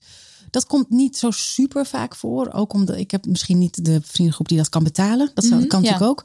Ehm, maar goed, vliegtickets zijn natuurlijk ook vaak te goedkoop. Hè? Laten we daar ook wel dat ook. Ehm, ik ga, ja, ik ga natuurlijk zeker dan wel eens niet mee. Ik bijvoorbeeld heb ik heb het een tijd geleden gehad met paintballen bijvoorbeeld. Oh ja. Dat vind ik een heel moeilijk iets om oorlog na te doen. Dit is een realiteit voor mensen die leven in een situatie waarin ze beschoten worden. Ik vind het moeilijk om daar plezier aan te beleven. Ik vind het ook moeilijk dat dat een business is. Dat we geld verdienen aan oorlog. Nadoen. spelen. Dat vind ik moeilijk. Dat wordt helemaal niet als eh, eh, vrolijkheidsverhogend ervaren. Nee, nee, zegt. want dan komt Marike weer even Ja. vervelend doen. Dus dat. Jij dat moet meteen weer over eh, dat. Ik heb er dan- weer gedachten bij of een ethische vraag bij. Of weet je, dat soort. Ja, Ja. Dat, dat natuurlijk zeker. Ja. Hey, en eh, dit is een vraag die we wel vaker stellen, die we nieuws nu ook kregen. Eh, hoe ga jij om met het feit dat een paar bedrijven 50% van de CO2 uitstoten en we toch vooral de verantwoordelijkheid leggen bij particulieren? Ja. En doe jij ook iets met het feit, of deze fo- focus jij je vooral op consumenten? Eh, ja, en nog een andere, En ze hetzelfde vraag. zo nog achteraan gestuurd van... dit is overigens niet een aanval hoor, maar ik ben gewoon heel benieuwd. Ik ben hier zelf mee Terechte bezig. vraag, super terechte vraag. En wat een lieve toevoeging. Ja. Voel me ook echt totaal niet toe aangevallen. Ik heb natuurlijk boeken en lezingen gemaakt voor consumenten. consumenten. Ja. Eh, gebaseerd op de vragen die je kreeg. Niet omdat ik dus zelf per se vond dat zij de enige zijn die iets moeten doen. Ik wilde gewoon graag de mogelijkheden geven en de handvaten om eh, zelf je meer empowered in je eigen leven te voelen. Omdat ik heel erg merkte dat mensen graag zelf ook andere keuzes willen maken, maar, willen maken, maar gewoon niet wisten waar ze moesten beginnen of hoe ze zelf iets konden doen. Dat kan ook zelf echt heel ehm, eh, eh, vervelend voelen. Dat je niks kan of zo. Of je hoeft niet weten waar je moet beginnen. En er is nogal veel. Weet je, we hebben ook, je kunt niet alles de hele tijd maar uitzoeken op het gebied van eten en verzorging en kleding. Weet je, dat Ja, is en heel soms fijn. heb ik, wat ik met jouw boek ook heel vaak heb, is dat ik denk, oh ja, maar dat is natuurlijk ook, Oh ja, dat ook. een categorietje vieren heb jij. En dan denk Ja. ik, oh ja, tuurlijk. ja, als je een Ja. verjaardagsfeestje viert of een dat, dat zijn ook allemaal onderwerpen die er, eh, waar je over duurzaam na kan denken, terwijl je dat niet zelf altijd even snel opkomt. Dus heel graag geef ik dat Ja. aan mensen. En ik denk ook dat het eh, echt helpt ook om je bewuster te worden van hoe het werkt. Ehm, dat wil dus helemaal niet zeggen dat ik vind dat de verantwoordelijkheid alleen bij consumenten of burgers ligt. Helemaal niet. Eh, ik zie het altijd als een driehoek eigenlijk. Eh, je hebt de mensen die dingen kopen, consumenten, de bedrijven die ze maken, de winkels die ze verkopen, de commerciële sector en de overheid, de regering die de regels Ja. voor maakt. En dat houdt elkaar in evenwicht. Het mooie daaraan vind ik, en dus ook het enorme empowering daaraan, dat zijn wij allemaal zelf. Dus de mensen die de dingen kopen, dat zijn wij.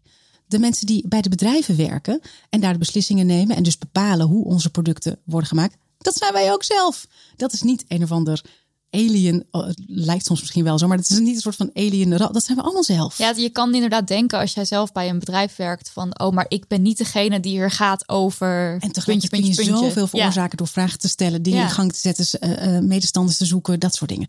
De mensen die de regels maken, die in, bij de overheid werken of in de regering zelfs, zijn wij ook zelf. We kiezen ze zelf en we zijn het zelf. Ik denk dat dit elkaar dus enorm in evenwicht houdt en dat we het zelf ook heel erg kunnen beïnvloeden. En dat de drie ook even belangrijk zijn.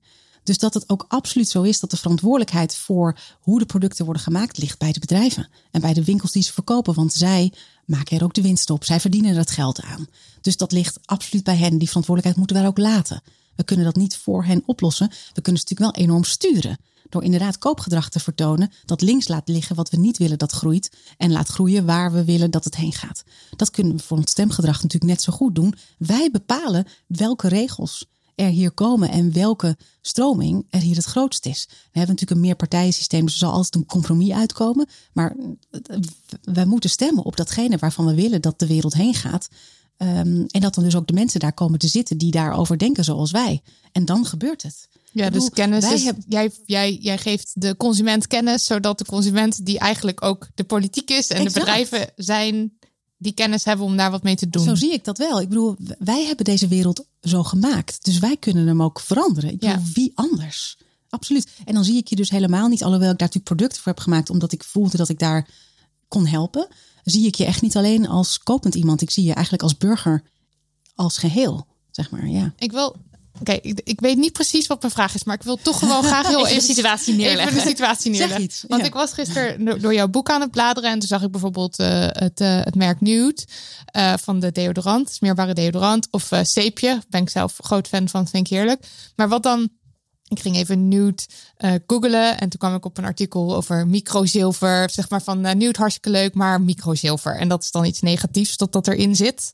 Eh, of zeepje, maar dat was dan grondstoffen uit Nepal. Ja. En ik heb ooit een keer gehoord dat, dat zeg maar spul wat Lush gebruikt, shea butter of zo, dat dat ook geïmporteerd wordt. En dat het eigenlijk dus gewoon ook kut is, omdat je dus ehm, de, de stoffen uit andere landen haalt, of weet ik veel, dan toch weer de wereld uitput. En ik merkte gisteren dus gewoon dat ik dan eh, dat echt een beetje aan het mierenneuken ben Ja. eigenlijk, omdat Ja. ik dan denk, dit is dan een goed merk. En nou ben ik dus toch op zoek Jij ging actief googelen naar wat er kut was wat er aan kut deze. was aan deze Ja. merken. Terwijl dat, en ik denk dus dat dat met heel veel van die dingen, als je het goed probeert te doen, is dat je dus geshamed wordt in wat er nog niet goed is. Terwijl, en toen zei Nidia heel, heel, ehm, heel raak, ja, maar je bent nu niet aan het googelen wat er kut is aan Axe. Nivea, zei je. Ja. ja.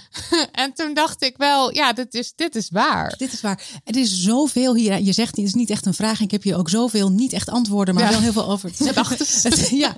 Ehm, we zeggen altijd, duurzamer leven kost heel veel tijd. Bijvoorbeeld, want je moet allemaal dingen uitzoeken. Het is allemaal veel moeilijker. Het is allemaal super moeilijk. Ehm, dan tellen we even niet bij hoeveel tijd we steken in winkelen bij niet duurzame merken. Dus dan ga je allemaal uitzoeken naar de laagste prijs. Je gaat allemaal passen, twijfelen. Dat kost vreselijk veel tijd, maar daar kijken we dan niet naar. En inderdaad, bij dit soort onderwerpen hebben we dan de neiging om de nadruk toch ook snel te leggen op wat er toch ook niet goed aan is. Ik word ook heel veel geshamed natuurlijk over dingen waarvan mensen denken dat het niet. Aha! Weet je, zo Ja, hebben. Ja, heb- Gotcha. Ja. Weet je? Of zo, want dat is ook wel fijn. Eh, jij kan niet zien dat mijn Adidas schoenen tweedehands zijn. Bijvoorbeeld. Weet je, dat soort. Ik heb hele brede voeten. Mijn voeten zien eruit als die van een eend. Ik kan lang niet alles aan. En dus heb ik niet superveel keuze. Ik koop heel veel tweedehands schoenen. Sowieso schoenen. Ga voor tweedehands. Er is bijna geen product wat we minder... Wat, eh, we kopen zo vaak schoenen die niet goed passen. Of te klein of te groot, maar ze zijn zo te gek en we willen het zo graag en ze gaan wel beter zitten. Dat is dus nooit zo. Dus je kunt schoenen bijna ongedragen heel veel tweedehands En kopen. waar koop je dat dan? Bijvoorbeeld, nou, je kunt het natuurlijk in schoenenwinkels, eh, gebeurt dat natuurlijk al steeds meer, maar online. In is schoenenwinkels het tweede, dat er tweedehands eh, Nou, dit sectie is, dus, is? Ik wil dit dus heel graag ook. Ja. Dat dit komt. klinkt als heel ik het goed eigenlijk. Eh, ik geef dit ook als tip. Veel, ik word ook wel door de mm, eh, retail natuurlijk benaderd om tips te geven. Mhm. En dit is een van mijn tips aan bijna alle winkels, maar zeker ook schoenenwinkels. Begin een tweedehands sectie van je eigen product. Ja. Omdat je daardoor dus, je kunt nou ja, nog een keer geld verdienen aan het product. Maar je kunt ook eh, je aanbod veel breder maken en veel duurzamer maken. En de retail heeft het best moeilijk. Dus verschillende richtingen waarin je geld kunt verdienen, je aanbod verbreden, diversificeren in retail eh, taal, is ook gewoon alleen maar heel slim. Ja. Dus ik wil dat dit in steeds meer winkels. Een heel eh, goed komt. idee. Want ik ken het wel van Coolblue heeft zo'n tweede kans optie. kans, maar maar van kleding of schoenen ken ik, ken ik het nog Dus niet. ik wil dit heel graag. Dus elke winkelier die dit luistert, ken naar je de mensen iemand die die dit- dit, please, Ja. echt serieus. Doe het. Er komen wel natuurlijk steeds meer winkels. Bijvoorbeeld Philip- Philippa K doet het. Hè. Die heeft dus een tweedehands sectie en ook een leen sectie. Dus zij zijn heel erg aan het ja. diversificeren. Zij werken ook samen met Lena de Fashion Library. Dus dat je je kleren eh, als in een bibliotheek, want het is, is een bibliotheek, eh, kunt huren. En dus ook kunt proberen dan. Zodat je de miskopen eh, tegengaat. Want als je het niet meer wilt teruggeven, dan weet je dat je het vaak draagt. Ja. Ik ben helemaal van de vragen af. Dat ging over eh, schoenen en waar ik dat koop. Ehm, ik koop dus tweedehands schoenen vooral veel online. Ja. Ehm, en ik vraag dan ook wel of ze ze op willen meten.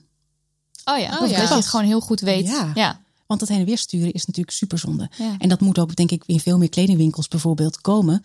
Ehm, dat er niet alleen plaatjes zijn van modellen van verschillende afmetingen. Ja. Dus dat je veel beter kunt inschatten of het voor jouw body shape, of je dat ook leuk vindt staan.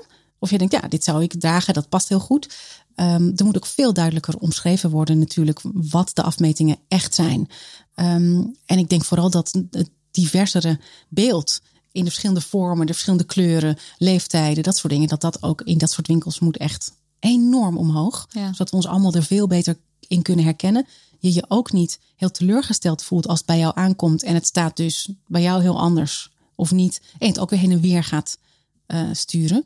Overigens, dat het niet staat in jouw ogen dus. Hè? Niet omdat de samenleving bijvoorbeeld vindt dat jij het niet zou kunnen dragen. Of zo. Oh my god. Echt serieus. Maar goed, daar gaan we het zo zeker nog wel even over hebben. Ja, denk ja, ik. ja, ja, dat komt zo Anyway, nog. ja. Eh, waar, we- wacht even hoor. Oh, ik had het ja, over ik heb- maar Ja, precies. dus zo. En dat we dus de nadruk Ja, leggen dankjewel. op... Ja. Dank, ja, zeker. Eh, het kan, ja, ik, mm, het kan niet perfect nog, inderdaad. En ik denk dat dat soms heel jammer is, maar ook iets is waar we ons niet toe- door moeten laten ontmoedigen en eh, niet door moeten laten tegenhouden. Wat ik daar super belangrijk in vind, is dat ehm, de merken daar gewoon heel eerlijk over zijn. Daar gaat het voor mij ook echt heel erg over. Dus dat je heel makkelijk kunt zien, dit doen we al. Hier zijn we ongelooflijk trots op. En dat mag ook. Want in deze tijd dit soort stappen zetten en dit soort producten ontwikkelen is gewoon against the grain en dat is te gek. Eh, en dat je ook gewoon heel duidelijk zegt, dit en dit en dit bijvoorbeeld nog niet. Of hier krijgen we graag, vaak vragen over, maar we hebben dat om deze en deze reden gedaan. Want het is hierom beter dan iets anders al. En we ontwikkelen, we proberen nog beter iets te ontwikkelen. Bijvoorbeeld, Ja. weet je zo. Dus dat je gewoon heel duidelijk zegt, eh, dit wel en dit niet. Want ik heb het idee, en dat merk ik nu ook bijvoorbeeld aan wat jij zegt, dat consumenten en mensen die dingen willen kopen, daar steeds meer op zitten te wachten. Ja. Ik hoef niet je fantastische verhaal, ik wil je echte verhaal. Ja. En dan kan ik zelf een keuze maken over of ik dit genoeg vind, of ik die ontwikkeling wil steunen, of dat ik dan toch ergens anders ga kijken, mijn eigen beautyproducten ga maken van lokale ingrediënten. Wel oppassen waar die dan zijn verbouwd, want heel veel kunnen we natuurlijk gewoon ook in dit klimaat niet verbouwen. Ja. Nee, precies. Ehm, ja. Dus dat, dat is natuurlijk ook gewoon zo. Sommige dingen wel hoor. Je kunt natuurlijk heel veel dingen ook zelf maken. eh, waardoor je misschien niet vastzit eh, aan merken. Maar dat is ook niet voor iedereen. En daarbinnen kies je dan datgene. Ik kies dan ook graag voor een merk dat de positie en invloed ook gebruikt om bewustwording en eh, verandering te creëren. Dus een merk als nu bijvoorbeeld dat ook eh, heel vrij verschillende vormen, kleuren en haar Okselhaar, okselhaar laat zien. Ik vind dat een heel belangrijk iets dat je datgene wat jij zelf maakt en verkoopt ook inzet om op andere vlakken verandering in de samenleving te veranderen. Want je hebt zo'n platform Ja. dan.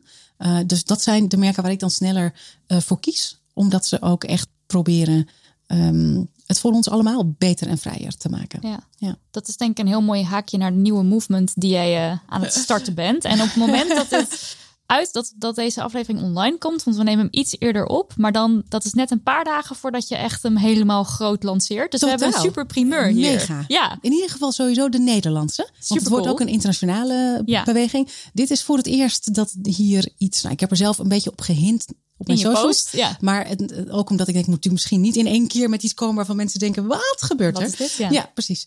Ehm, dus ja, nee, ik vind het te gek om dat hier te mogen vertellen. Serieus, dat vind ik echt fantastisch. Ja, dank. Ja, nou, het heet hashtag Sustainability Against Shame.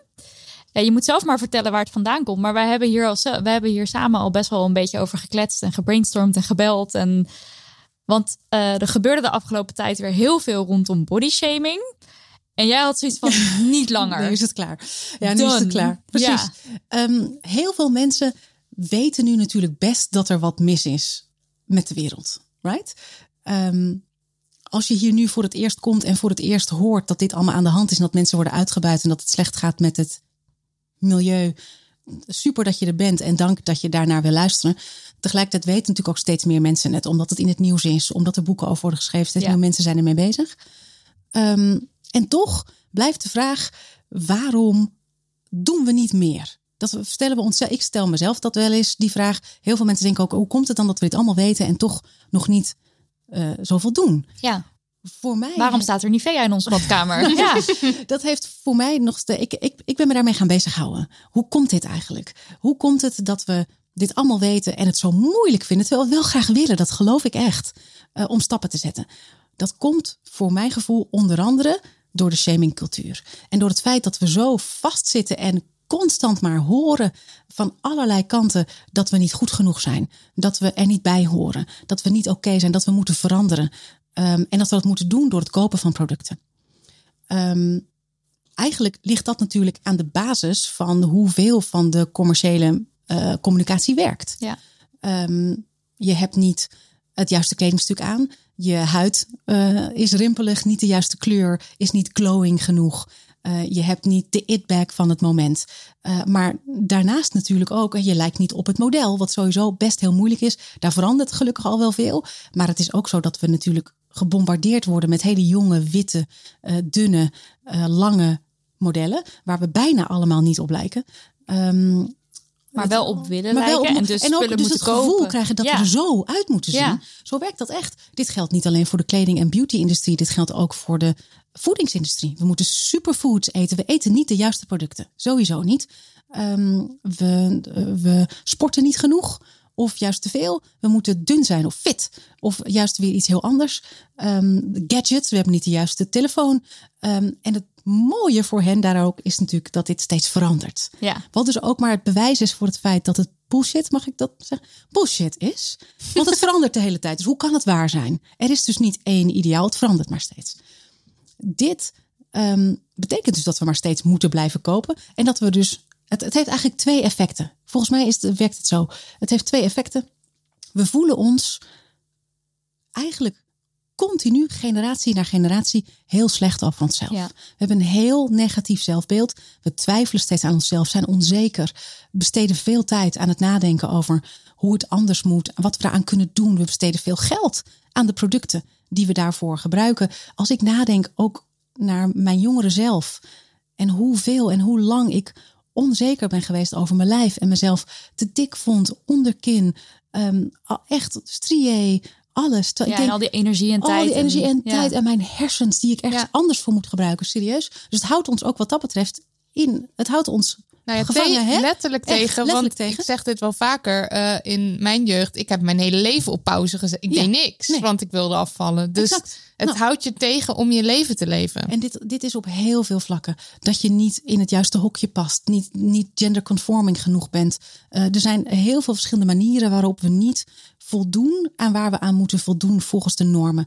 Ehm, dus dat vind ik op zich al erg genoeg.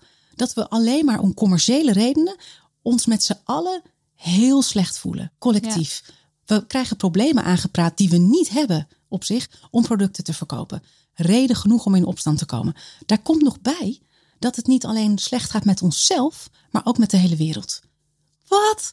Dus ik denk dat het dit tweede effect, daar zou, dat, daar zou ik graag meer de nadruk op willen leggen. Wil ik graag ook op de kaart zetten. Dat het niet alleen slecht is voor onze mentale wellness eigenlijk, maar ook voor de het is de klimaatcrisis en de sociale crisis die er mede door veroorzaakt wordt. Dus ik denk we moeten hier, we moeten dit heel actief herkennen. We moeten er tegen in opstand komen om niet alleen onszelf, maar ook de wereld te redden. Echt heel serieus. Want dit creëert eigenlijk datgene waar we in vastzitten, waardoor we Ehm, eh, waardoor mensen en bedrijven ongelooflijk rijk worden eh, over de ruggen van ons ongeluk eigenlijk. En ook over de ruggen van de wereld waar wij dus aan bijdragen door al dat koopgedrag.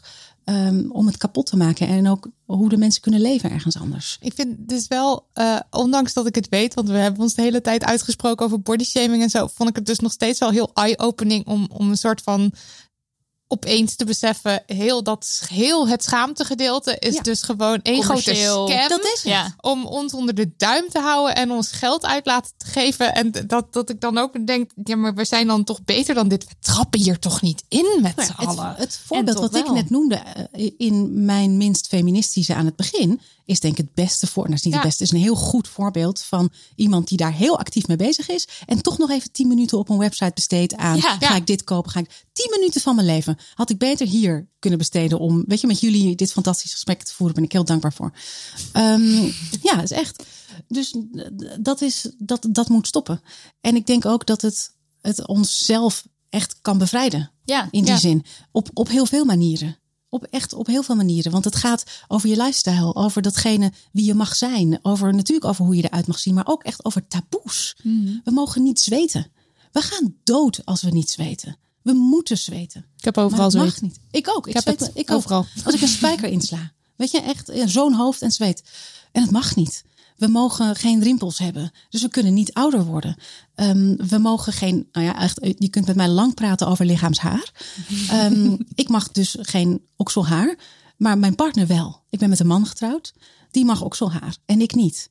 Ik kan daar niet over uit. Nee. Ehm, dus er zit ook een heel gender een soort van spectrum natuurlijk ja. aan. Hè, wat ik ook echt heel belangrijk vind. En hoe we zover zijn gekomen dat de manier waarop ons lichaam er gewoon natuurlijk uitziet, aan alle kanten niet oké is. Om ons spullen te laten komen. Nou ja, ik wil heel graag daar ook, is het maar iets heel kleins bijdragen aan dat we daar met z'n allen ehm, ons vrijer in gaan voelen. En het okselhaar verhaal, ik ik heb daar een soort van voor. Ik, ik ben getrouwd zonder okselhaar. En dat vind ik Tot je grote spijt. achteraf een beetje Ja. wel, eerlijk gezegd. Want dat was ik toch niet helemaal. En het was dan toch dat je dacht, Ik heb eraf. het, ja, ik heb, dus ik heb, ik had een, een, een, prachtige eh, jurk aan met, met planten geverfd en eh, te gek. En eh, met een soort van een heel kort kapmouwtje, eh, dus wat net over je schouder gaat, waardoor je dat dus zou zien. En ik wist natuurlijk dat er, dit is acht, acht negen jaar geleden, ehm, dat nou ja, mijn partner daar niet altijd van dacht. Het is nu anders. Hè? We, we gaan met z'n allen, ik wil hem niet afvallen, want we, we hebben daar een reis in met z'n allen. Maar toen was dat niet zijn lievelings. Eh, en ook niet per se van mijn familie en vrienden. Dus ik heb dat weggehaald. Dus ik ben niet helemaal als mezelf getrouwd. Maar toen had je het wel liever laten... Jij toen al had het liever laten staan? Eigenlijk wel. Ik heb het niet voor mezelf gedaan. Nee, oké. En ik eh, haal bijvoorbeeld zo nu en dan wel mijn beenhaar weg. Dat vind ik namelijk niet zo mooi. Ik vind okselhaar serieus sexy. Echt waar. Ik vind okselhaar... Oh, okselhaar. Sokselhaar. Ook al- Sokselhaar. Van nieuw woord. Sexy. Sokselhaar. Mm. Eh, vind ik serieus mooi. Ja. En toch, ik vind beenhaar niet altijd mooi bij mezelf. Dus dat haal ik dan weg. Daar wordt dan hypocriet van gezegd. Terwijl Mm. ik denk, maar dit is exact waar het voor mij over gaat. Wil ik ook heel graag zeggen. Haal alles weg wat je wil weghalen. Hè? En laat Als jij het maar wil wil. laten staan. Ja. Exact. En dit is wat ik graag wil. Ja. Ik wil graag dat we met z'n allen naar, echt naar onszelf terug kunnen. Ja. En onze eigen keuzes kunnen maken. Ja. Ik ga het weer even dat boek noemen, sorry. Maar Doe het, echt doe het. Dus nogmaals, Ongetemd leven van Glennon Ja. Doyle. Ze heeft, het zijn allemaal korte stukjes. En ze schrijft op een gegeven moment over Alicia Keys. Die heeft namelijk ooit gezegd... ik doe het niet meer, ik doe niet meer mee aan de make-up. Ik ga het niet meer opdoen. En dat zij toen dacht, yes, goed zo, go for it. En toen was Adam Levine, Levine, Adam hoe heet die man? Levine? Ja, die heeft dus haar... Toen heeft hij een keer gezien dat Alicia Keys lipstick opdeed. En toen... eh, toen zei hij van, Ha. yo, eh, Alicia Keys zou geen make-up meer dragen, toch? En toen was haar reactie, nou, vandaag wel, want ik heb er zin in. Ja. En dat toen Glennon Doyle toen dacht, ja, Dat is dit het. is ook wat het Dit is. is het precies. En het is allebei wat het is. Het is die eigen keus maken en los van al die, wat zij dan, wat Glennon Doyle dus kooien noemt, waar we de hele tijd in zitten met z'n allen. Ehm, dat Ja, we daar maar die- uit moeten breken en Ja. dat je zelf Ik kan beslissen, wat Kramp doe ik? kaken van het glimlachen. Ja. Ik heb serieus kramp in mijn kaken. Nou. Want dit is zo waar het over gaat. Ja, Ja. Ja, want ik, ik, dat zou ik dan zeg maar op mezelf betrekken als over het algemeen eet ik geen vlees. En dat spreek je dan een keer uit. En dan heb je het gevoel dat je dan, dan zit je dus in je, de... dan zit je dus in de kooi, ik eet geen vlees. Maar dan heb je een keer zin in een burger met kip of zo. En dan bestel ik dat en dan voel je je daar een eeuwigheid weer schuldig over. Ja, of En- vooral als mensen dan tegen jou gaan zeggen van... Ja, maar jij mag dat toch niet? Ja. Jij- of jij doet dat, want dan is het een soort. Nou ja, maar het is niet alleen die kooi van dat iemand tegen jou zegt: Ha, ik heb je betrapt. Maar het is ook dat ik me dan zelf schuldig voel over: Hé, hey, maar ik had tegen mezelf, of ik heb net tegen de wereld gezegd: Het is, Ik eet dit is best een vlees. Lastige. Ja. Omdat het wel zo is, denk ik, dat vlees eten is een van de grootste veroorzakers van klimaatverandering. Er is een dier voor dood gegaan. Ja. Er zitten wel wat meer, misschien extra Ja. gevoelens bij dan alleen shaming. Ja. Er zitten wel misschien net een iets gecompliceerder Ja, voorbeeld. Dus ik snap wel dat je daar wat meer mee,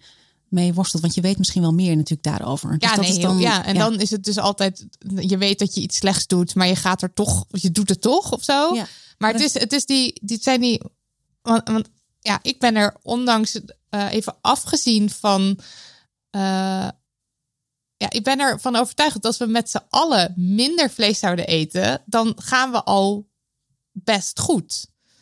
En, of tenminste, dat zou de wereld al helpen. Maar, en dan, je moet dan voor jezelf persoonlijk die afwis, eh, afweging maken. Maar je zit al wel snel in een kooi van dat mag wel en dat mag niet. En dat vind ik dan heel moeilijk. Ja, dat is zo.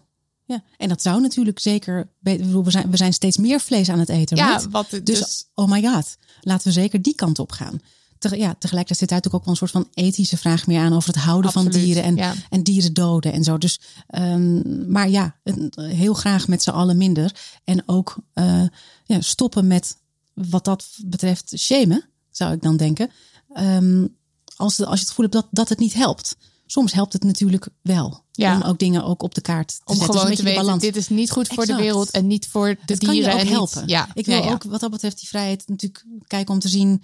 eh, Soms werkt iets en soms werkt iets niet. Ja, ja, dat ja. is het ook Ja. een beetje. Maar Ja, en mensen aanspreken helpt natuurlijk ook. Want rondom, rondom ongelijkwaardigheid spreken wij ook platforms Absoluut. of mensen. En, maar ja, dat vingertje wijst het. Soms werkt het averechts. Ja. Het is dus ingewikkeld. daar Ja. moet je Ja. inderdaad in leren, denk ik ook. Ja. En ook in bewegen. Ja. Nee, wat helpt wel- en wat niet. Ik bedoel, kijk, wij krijgen het dus af en toe, hebben, we hebben het wel eens over, we krijgen af en toe wel mails van, maar weten jullie wel dat een feminist moet ook vegan zijn? En ik weet ook nog dat onze eerste reactie, ik denk, wat was vorig jaar of zo, daarop, toen was ik echt een beetje aan het stijgeren van, ja, maar ieder maakt zijn eigen... En inmiddels denk ik er toch anders over. Het is echt iets wat, dat vingerwijzen helpt ook. Ook. Maar er zijn verschillende wegen naar Rome, right? Dat is een Ja. soort van Ja. totale dooddoenende wijsheid, maar het is wel waar. Ja. Eh, en je merkt hier ook al aan, we bewegen met z'n allen Ja. richting be- bevrijding voor alles en iedereen. Right? Ja, en hetgene wat jij doet is dus eigenlijk de kennis neerleggen van, weet je, hier is het. Kijk, Ja. kijk, kijk maar wat je Oh ja, doet ja, met ja, de enige. maar. Ja, totaal. precies. En ik denk dus ook ehm, met Sustainability Against Shame. eh, ik wil graag dat dat ook een beweging van ons allemaal wordt. Ik start dit nu, omdat het me hoog zit, inderdaad. ja. Ehm, en omdat ik echt denk dat dit nu moet stoppen. We hebben nu ook, we krijgen de coronakilo's er ook weer bij. En hou op met me. Eh, moeten hebben het afvallen we de moeten appie. afvallen van, van, Van de appie. eh, ja, we moeten Albert eh, Heijn, ja. in, in shape en we moeten overal make-up op ons lichaam smeren om het eh, te shaden en de goede en niet goede dingen weg te halen. En eh, ik denk dat dit nu voorbij is. Dus Ja. ik wil graag eh, mensen de mogelijkheid geven om daar gezamenlijk eh, iets tegen te doen. Dus En dat wat is, doen we dan? Ja, precies. Nou, dat was ik mezelf een- stiekem een beetje heen aan het praten. Ja, heel goed. Ik eh, vanaf 3 september Ja. eh, heb je een aantal mogelijkheden. Ehm, wat ik echt heel graag wil, is dat we hier met z'n allen veel bewuster van zijn. Dus deel wat je tegenkomt. De appie-reclame is er natuurlijk een hele goede voor. Jullie doen dat ook echt heel vaak en echt heel fijn. En ook natuurlijk de mensen die hier naar luisteren. Ik denk dat er veel zijn die dat echt ook al herkennen. Echt te gek. En dat kunnen delen. Dus als je het met de hashtag Sustainability Against Shame deelt, dan kunnen we het allemaal zien. Kan ik het ook weer delen? En jullie misschien, omdat jullie natuurlijk mede, hè, jullie hebben eh, zijn hier eh, ook onderdeel van straks. Ik ga daar meer over vertellen. Ehm, dan kunnen we blijven, we moeten het herkennen. We moeten het gaan zien met z'n allen. Ja, want Dus het heel veel van wat er je, gebeurt. vaak zie je het dus ook niet. Het Hè? heeft lang geduurd voordat je misschien Ja. hebt gezien dat er in reclame eh, eh, voor scheermesjes helemaal geen okselhaar te zien Precies. is. Of beenhaar of welk haar dan ook. Ja, ik moest en- er echt op gewezen Ja, worden. dat bedoel ik. En Dus wat we, ook hebben, helpen. is dat er sommige dingen in onze hoofden al zo definitief lelijk zijn. Dus Ja, dat is zo de mooi. waarheid al. Dat we dus niet snappen dat het eigenlijk niet lelijk is. En een voorbeeld Mooi. daarvan was hangborsten. Ja, Rondom het schrijven van Damn Honey hebben we het hier over gehad. Eh, dat wij dus allemaal ervan uitgaan dat hangborsten zijn lelijk. Punt. Dat de waarheid. Maar- Daar kan je niet over discussiëren. Dat is wat het is. En Maar- dus ga je oefeningen doen. Of dus ga je een potlood onder je borst doen om te kijken of die valt. Ja, of weet ik veel wat allemaal. maar ik weet toch dat we op zoek waren Ja. naar bodyshamende artikelen. En Ja. dat ik die dus wegklikte over hangborst. Omdat ik dacht, Ja, dat dit zijn goede niet. tips. Ja. Ja. Goed. En dat is dus een voorbeeld van. We, we, we, zijn er zo van overtuigd dat het lelijk is. We zien niet eens meer dat het shaming is. En ik denk ook dat heel veel bladen en redacties dit dus ook niet snappen. Nee. Want wij hebben, eh, nou, voor de NOS hebben wij toen eh, eh, uit de doeken gedaan wat ons stoorde aan ehm, eh, het body positivity nummer van de Linda. Namelijk dat het shamen heel vaak gewoon nog onderdeel is van bladen. En dan krijg je dan toch weer heel veel reactie op. Maar van nee, we geven geen tips meer om af te vallen. Of nee, we, we, we, nou ja, weet ik, we vertellen niet dat je mascara moet gebruiken. Maar het zijn vaak zoveel subtielere zo dingen. Ja. En dat, dat zien we heel vaak ook gewoon niet. Exact. En wij, wij zien het ook heel Nee, vaak exact. niet. Dus daarin wil ik graag dat we elkaar gaan helpen. Ja. En het gaan laten zien. Dat lijkt me echt heel te gek en ook heel empowering. Ja. Kijk nou. Ik heb, weet je, ik heb daar ook, ik zie dat zelf ook lang niet allemaal nog. Dus ik wil ook zelf graag leren. Ja. Dus dat is één. Dat En delen. ook, wat er ook echt belangrijk in is, is dat het er niet om gaat dat wij vinden dat make-up stom is. Nee, Want helemaal ook niet. dat blijft elke keer weer op ons gedrukt worden. Ja. Ook laatst kregen we weer een stukje doorgestuurd uit de FIFA dat de hoofdredacteur zegt dat de meisjes van Dem Honey of de vrouwen van Dem Honey die vinden eh, dat je niet zomaar dat wij tegen plastische chirurgie zijn en tegen make-up geloof ik. Zoiets omdat, stond erin. Omdat vrouwen die dan eh, plastische chirurgie doen of make-up gebruiken, niet voor zichzelf zouden kunnen dat denken. is niet onze boodschap. heel hard nee aan het En, schudden. en, en het lijkt wel alsof ik dit elke keer weer moet vertellen. Ja, maar het blijft same. maar dat mensen denken dat wij, omdat wij ons uitspreken hier tegen, dat wij tegen make-up of tegen plasje of tegen. Dat is het niet. Het is schaamte inzetten om, Om shit te verkopen. kopen. Daar zijn we klaar mee. En dus ook de wereld te vernachelen. Dat is een soort van link die ik er nu En mee die wil extra maken. link, Ja. dat was er eentje die voor ons dus echt van, oh ja, dat ook Dan, nog. ja. Ja. Ja. En daarvan, daar kan ik natuurlijk, dat, dat is waar ik vandaan kom. Dus ik probeer die connectie te maken om ook in te zien hoe we zelf nog meer kunnen bijdragen eigenlijk aan dit stoppen. Want dat heeft daar dus ook heel erg mee te maken. Dus nou, dat delen is één. Twee is, ik wil ook heel graag normaliseren wat we nu niet normaal vinden. Want als we het niet zien, kunnen we het niet zijn. En als we het nooit te zien krijgen, kunnen we het ook nooit normaal gaan vinden. Dus laten we het internet overfladden, echt, met alles wat je graag zou willen delen, wat niet voldoet aan de normen Ja, en wat taboe doorbreekt. noem ik. Scheerbeeldjes is Ja. een fantastisch voorbeeld. Eh, of het nou okselhaar is, of strié, of eh, zoenen met, een, met iemand. Eh, Het maakt me niet uit, maar datgene waarvan jij voelt... dit is iets waar een taboe op rust in de samenleving... en eh, waar ook een, een, een soort van ook heel commerciële link mee is... En dat is bijna altijd zo. Eh, deel dat ook met Ja. die hashtag. Want dan ehm, kunnen we met z'n allen ervoor zorgen dat het veel vrijer wordt, normaler. Dus Ja. dat is het twee.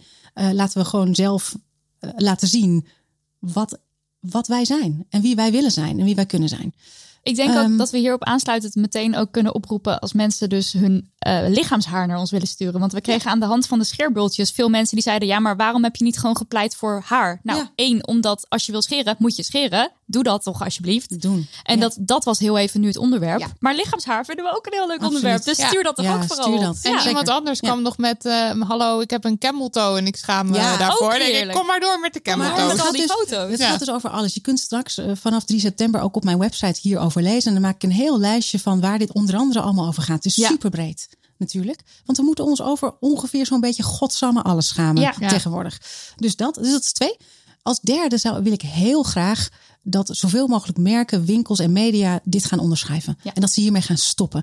En dat ze niet meer schaamte gaan inzetten om producten of artikelen aan te prijzen.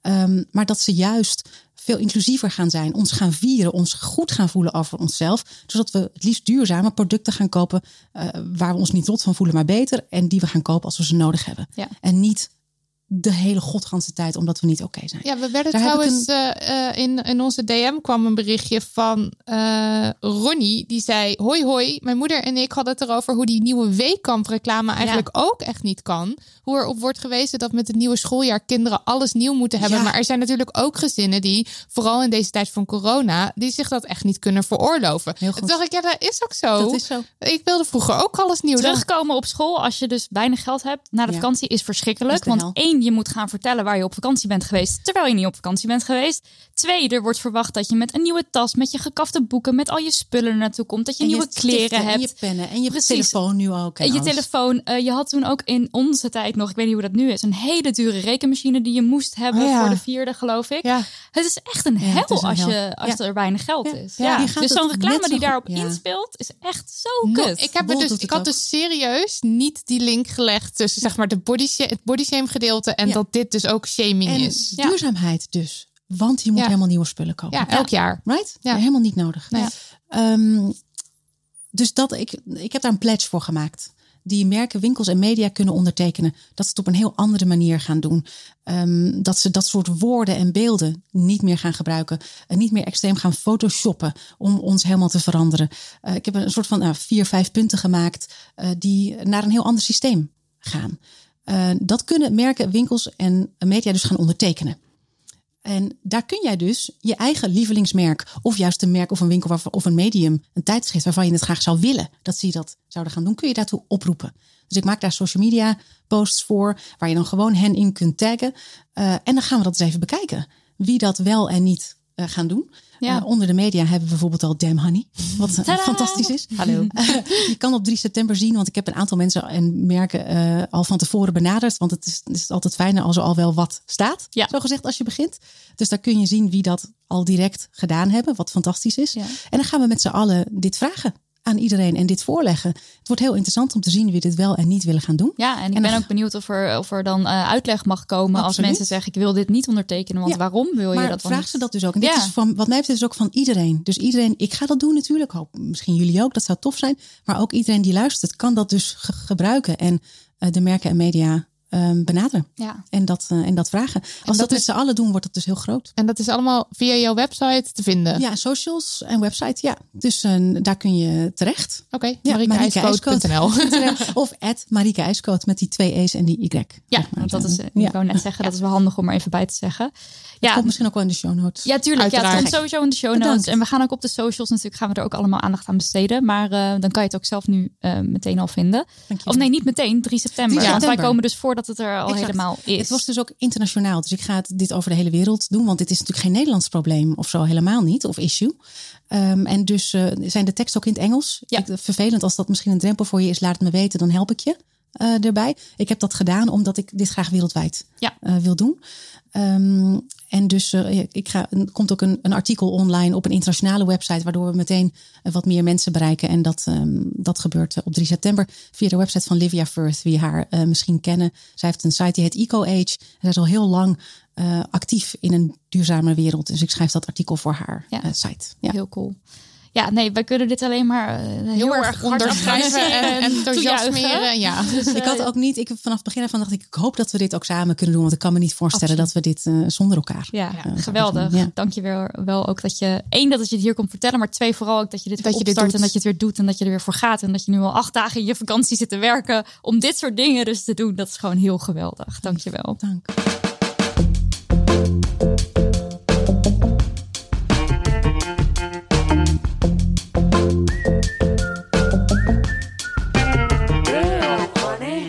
Komen we weer bij de afsluiter van de aflevering. Ik weet niet waarom ik in een accent... soort jolige, gezellige- Geen idee.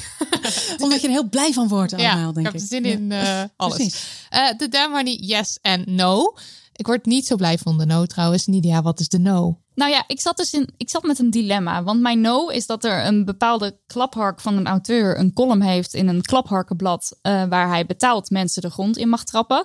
En de vraag met dit soort dingen is altijd: ga ik daar aandacht aan geven? Dus ga ik deze naam noemen? Ga ik zeggen wat hij geschreven heeft? Wat er nou, dus wat, wat nou zo erg was? En dat, zijn, dat is een soort tweestrijd. Want ik zat ook altijd van ja, als ik het niet zeg, dan heeft het geen inhoud wat ik nu aan het vertellen ben. En als ik het wel zeg, dan heb ik weer het platform. Ik ga zijn naam wel noemen, één keer en dan is het ook klaar. Herman Brusselmans in de Nieuwe Revue. Daar maakt hij dus elke week mensen kapot. En dat is dan iets waar hij voor betaald krijgt in een column. En het is het echt, het is troep van het allerlaagste niveau. En wat hij eh, dus afgelopen twee keer gedaan heeft, is een vrouw aanpakken en dan op haar lichaam. Ehm, en de eerste keer was dat Sherma Rouse, die er echt geweldig op reageerde, vond ik op Instagram. Door te zeggen: Ik ga zijn naam niet noemen, ik ga geen scheldwoorden gebruiken. eh, ik ga me hier niet mee bezighouden. En dat vind ik ook echt geweldig dat ze dat doet. En dat is ook hoe we met z'n allen hiermee om moeten gaan. Maar vervolgens komt hij weer met een column. En dit keer gaat het over Amalia, prinses Amalia. 17 jaar oud, deze vrouw, meisje dus nog. En het kan niet. En ik moet, ik moet dus nu daar iets over zeggen. Want het kan niet wat hier gebeurt. Dat we dus. Dat we blijkbaar in een soort samenleving leven waarin het dus oké is dat je, dat je zo'n column schrijft waarin je mensen op hun lijf pakt. En ze dus ook eigenlijk ziet als enkel een lijf. Waar jij als man, die die mensen helemaal niet kent, allerlei meningen over mag hebben. En de meest walgelijke lage shit over mag schrijven. Dat is niet oké. Nee. Daarbij zijn zijn grappen letterlijk van het niveau. Ze is zo dik dat. Ik weet niet of jullie dat soort grappen kennen. Nou, op mijn middelbare school werden dit soort grappen over eh, de moeder van een vriend van mij gemaakt. Wat echt walgelijk was. Maar blijkbaar kan je daar dus als columnist, als een auteur die gewoon, nou ja, best wel een naam heeft, nog steeds mee wegkomen. Door dit soort grappen op te schrijven. Allemaal onder het motto lachen, man, denk ik dan. Is dat, is dat wat hij. Wat, wat wil je? Waarom vinden we het oké dat het uitgangspunt van een column is mensen de grond intrappen? Want daar begint het eigenlijk al. Hè? Nog even los van de fatshaming en Ja, de vrouwen en het seksualiseren en weet ik Ja. veel wat alles shit. Dat we het dus oké vinden dat een column bestaat om mensen te beledigen, eh, kapot te maken en keiharde dingen over hun lichaam te schrijven. Want lachen, man. Het is verschrikkelijk. En, het is dus ook echt niet oké. Het is dat het, echt het niet is oké. echt niet oké. En het is ook echt ongelooflijke zonde. Het is echt heel Ja, dat podium van gebruikt de wordt ook. samenleving, van het podium, Van van, de energie van het geld wat er naartoe alles. Het Ja. is weggegooid. Dat Ja. is het echt. En, En je het is het laagste van het laagste. En je geeft mensen een soort van raar indirect of- toestemming Exact. om, om ook zo te praten. Want ik Absoluut. bedoel, die grap, zeg maar die grappen waar jij het over had van vroeger, Ja. eh, dat, dit houdt dat in stand. Zeker. Ja. Het maakt het, het, maakt het oké, hè? Ja. Het is een soort van, eh, een, een soort van stempel Ja, want dan heb je een soort Absoluut. van die coole, die coole Absoluut. man die we altijd allemaal zo leuk vinden. Want zo lekker schoppen overal tegenaan. Nou, ik ga thuis ook lekker schoppen of op mijn werk of op mijn kantoor of whatever. Want deze grappen kunnen we blijkbaar maken over gewoon, mensen. En dan ook nog eens over meisjes van 17. Laat haar met rust. Laat sowieso mensen met rust. Als En jij is kritiek dus- hebt op de inhoud en anders hou je gewoon je mond. Er is ook werkelijk niets mis met hoe al deze mensen eruit zien. Nee, nee, het is Nee, gewoon, er is niks. nou ja, There's nothing to see here. Er is, er is helemaal geen onderwerp. Doorlopen, Door. klaar. Next. Ehm, ja, dus verder geen podium meer aan deze, eh, eh, deze vent en aan het blad. Maar eh, ik wil eventjes gelijk overheen gaan met iets leuks. Het is dus helemaal geen no. Ik ga dat gewoon zo hop eroverheen gooien. En dan kunnen we nu met z'n allen vergeten dat deze persoon bestaat. Eh, en ik dacht ook, we kunnen zijn boek hier kapot scheuren. Toen dacht ik, nee, dat is niet duurzaam. Dus ik weet niet wat ik nu met dat boek moet. Want er ligt dus hier een boek van hem in ons Ja, huis. mijn idee was dus doorgeven en, en daar dan inschrijven dat, Deze het- man dat, dat het niet, aan de hand is. Dus dan gebruik je het als een vehikel om te vertellen wat niet moet. Ja. Of zo, zoiets. Nou, zo, ik moet maar in de pen klimmen. Ja. Eh, maar ik ga dus iets leuks vertellen. Let op, hier, hier volgt totaal onverwacht iets leuks. Ding dong, dienstmededeling uit de toekomst. Hallo, het is met Nidia uit de toekomst. Deze aflevering die hebben we opgenomen eh, een week voordat die online komt. En we zijn gewoon ingehaald door het heden. Eh, want eh, Daniel heeft er een woordgrap over gemaakt. Het volgende is gebeurd. Herman Brusselmans is door de revue gepasseerd. Hij is ontslagen. Bye bye. Oké, nu snel weer door naar met de aflevering. Wij zijn namelijk bezig met een nieuw project. En dit project is, drumroll please, een seksbundel. Oh Ja, ja. my god. Een seksbundel Zo tof. genaamd Damn Horny. Ja, dat hoopte ik echt Ja. dat dat zo zou zijn. Nou, hierin eh, komen de meest hotte verhalen te staan die eens niet vanuit de male gaze verteld worden. En we zijn bezig met het samenstellen van een echt fantastische auteurslijst. Ik kan er nog niet echt iets over verklappen, maar mensen, mensen, het wordt Ja, we zijn fantastisch. erg enthousiast. Ja, en ehm, Ja, we maken het omdat we zelf een beetje, we, of wij missen zelf de queer verhalen, maar ook eh, ei- eigenlijk gewoon verhalen verteld vanuit de, de, de eh, Feministische een blik. Ja, maar ook vanuit niet is het perspectief van de male gaze en, en dat heteronormatieve plaatje constant altijd maar is gewoon Veel vrijer. Ja, en die zinnetjes van, eh, oh, ze, ze was zo slank of ze was zo mooi, maar ze wist het zelf niet of zo. Weet Ja, je wel? dat Dat, soort soort dingen. Die, die clichés. dat wij meteen alweer woest eigenlijk Ja. zitten te Zo'n kijken, pornoverhaal luisteren, zitten te lezen. Ja. Nou ja, en we willen dus nu gewoon... eh, we- nou, we, eh, we gaan, dat verklap ik wel, we gaan zelf ook een verhaal schrijven. Dat wordt nog leuk. Dat wordt, eh, ik weet het nog niet, maar... We gaan dat samen Ja, doen. Samen, lekker, hot, Ik geil. zit hier echt zo te juichen. Ja. Je hoort het niet, maar ik zit heel, echt zo te juichen. Ja, zo en, goed. en, en los van dat, we, dat er dus een aantal verhalen inkomen van, van, Auteurs. van auteurs en, en toffe mensen en zo, willen we ook graag fantasieën van jou, lieve luisteraar, Ja. horen. En dan hebben we het over, over wat is jouw geilste, hotste, steamigste fantasie? Eh, waar masturbeer je het lekkerst op? Welk idee maakt jou helemaal wild? Eh, en dan gaat het echt om hele korte stukjes. Dus dan gaat het bij wijze van één zin, laten we zeggen, maximaal 100 woorden. In maximaal 100 woorden samenvatten wat jouw hotste, sexieste, geilste fantasie is. En dat willen we dan graag eh, eh, ook opnemen in het boek. Anoniem natuurlijk. Dat is, wil ik wel eventjes gezegd hebben. Dus je kan het gerust naar ons sturen. Eh, niemand komt er ooit, ooit achter. We zijn super benieuwd. Stuur je fantasie naar info.damhorny.nl met als onderwerp damn horny of... Hallo, dit is mijn meest geile, de, de steamy, fantasie. hotte fantasie ooit. En, en, wie weet kom je tussen al die andere fantasieën te staan. Dus eh, kom maar op. Ik ben er klaar voor. Feest. dit, Ja, echt. leuk, hè? Wat een feest. Het, het komt volgens mij pas volgend jaar uit. Maar de, ja, we willen gewoon we heel zijn die gewoon ook hard mogen we ook even die aanloop in het verheugen hebben? Ja, hè? En we hebben gewoon de tijd nodig om dit goed te doen. Tuurlijk. Dus kom alsjeblieft met je fantasie in onze inbox of in DM. Is allemaal goed. En dus allemaal anoniem. hè. Je hoeft je dus niet te schamen of iets. Sowieso niet. Kom gewoon met je fantasieën. We hebben zin. Marilotte. Demonies. De man yes. Eh, nog iets leuks, ander project waar we mee bezig zijn. Ehm wij gaan het theater in. En dit hebben we al eerder geroepen. Aan het begin van het jaar eh, melden we al dat we waren geboekt door Podium Mozaïek op 3 oktober. Ehm, Inmiddels is dat een beetje uit de hand gelopen allemaal. Mhm. Eh, en dit wordt een beetje een ingewikkeld verhaal. Maar we gaan dit jaar, dit najaar nog, dus in oktober en in november, staan we in een aantal theaters met de podcast. Alleen.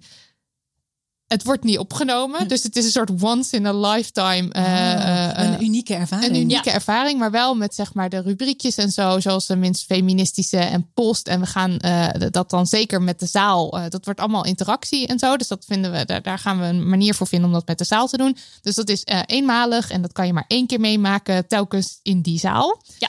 Eh, en we staan, eh, voor de mensen die denken, oh mijn god, hier moet ik heen. Eh, we staan in Ik, Amsterdam, bijvoorbeeld. in Amsterdam op 3 oktober in Podium Mozaïek.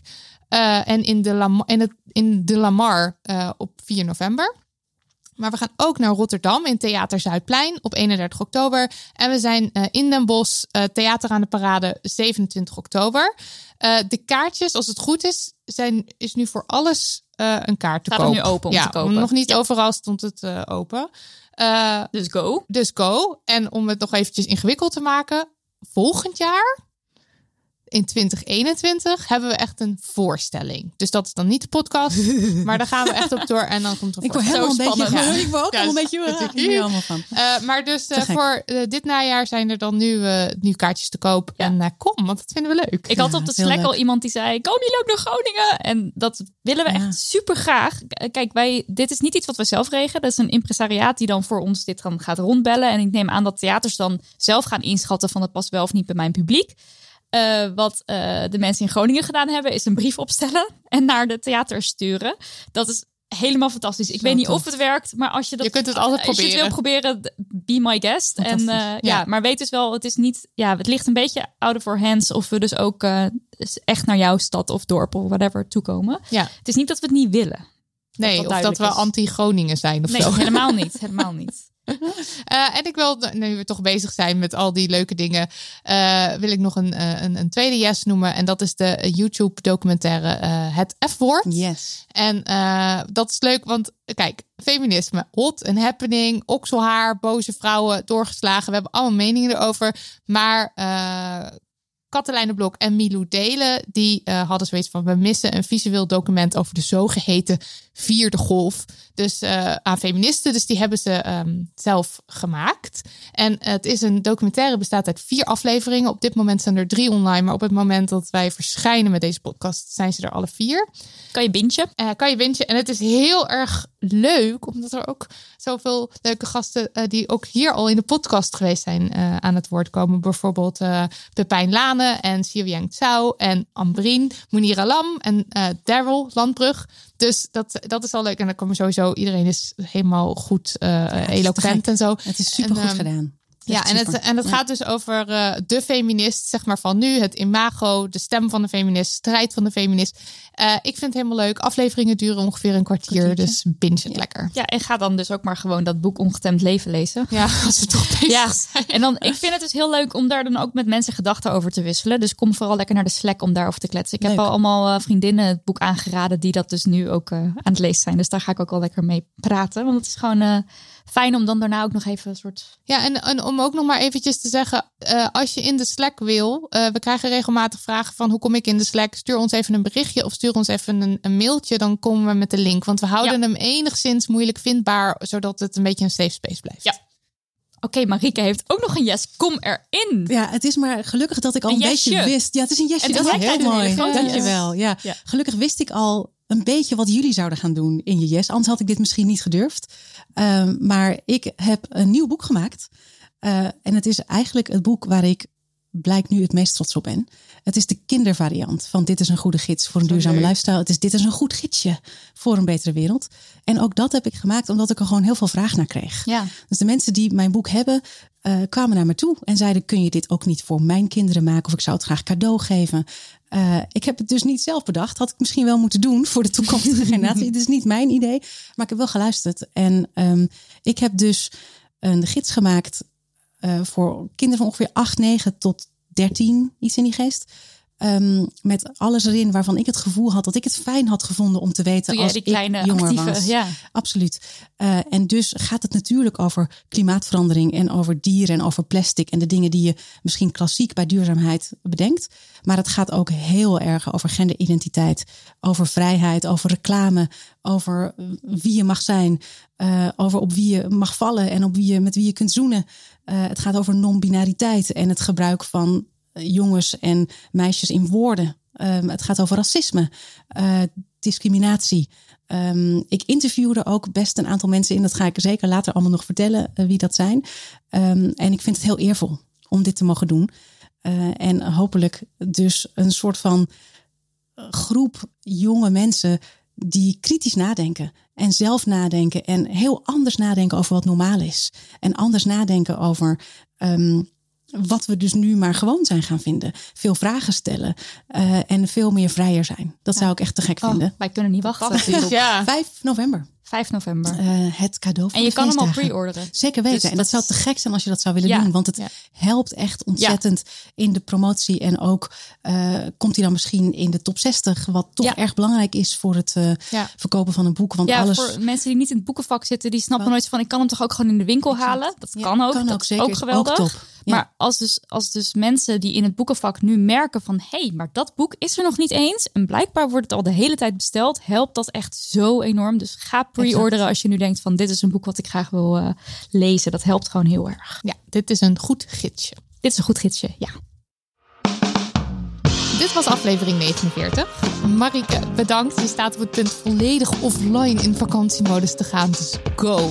Dank en heel veel dank dat eh, iedereen wilde luisteren hiernaar ook. Te gek. En ik zie jullie hopelijk op hashtag Sustainability Against Shame of Absoluut. op Instagram. Eh, Vanaf 3 september ga te je gek. helemaal we gaan het samen doen. los.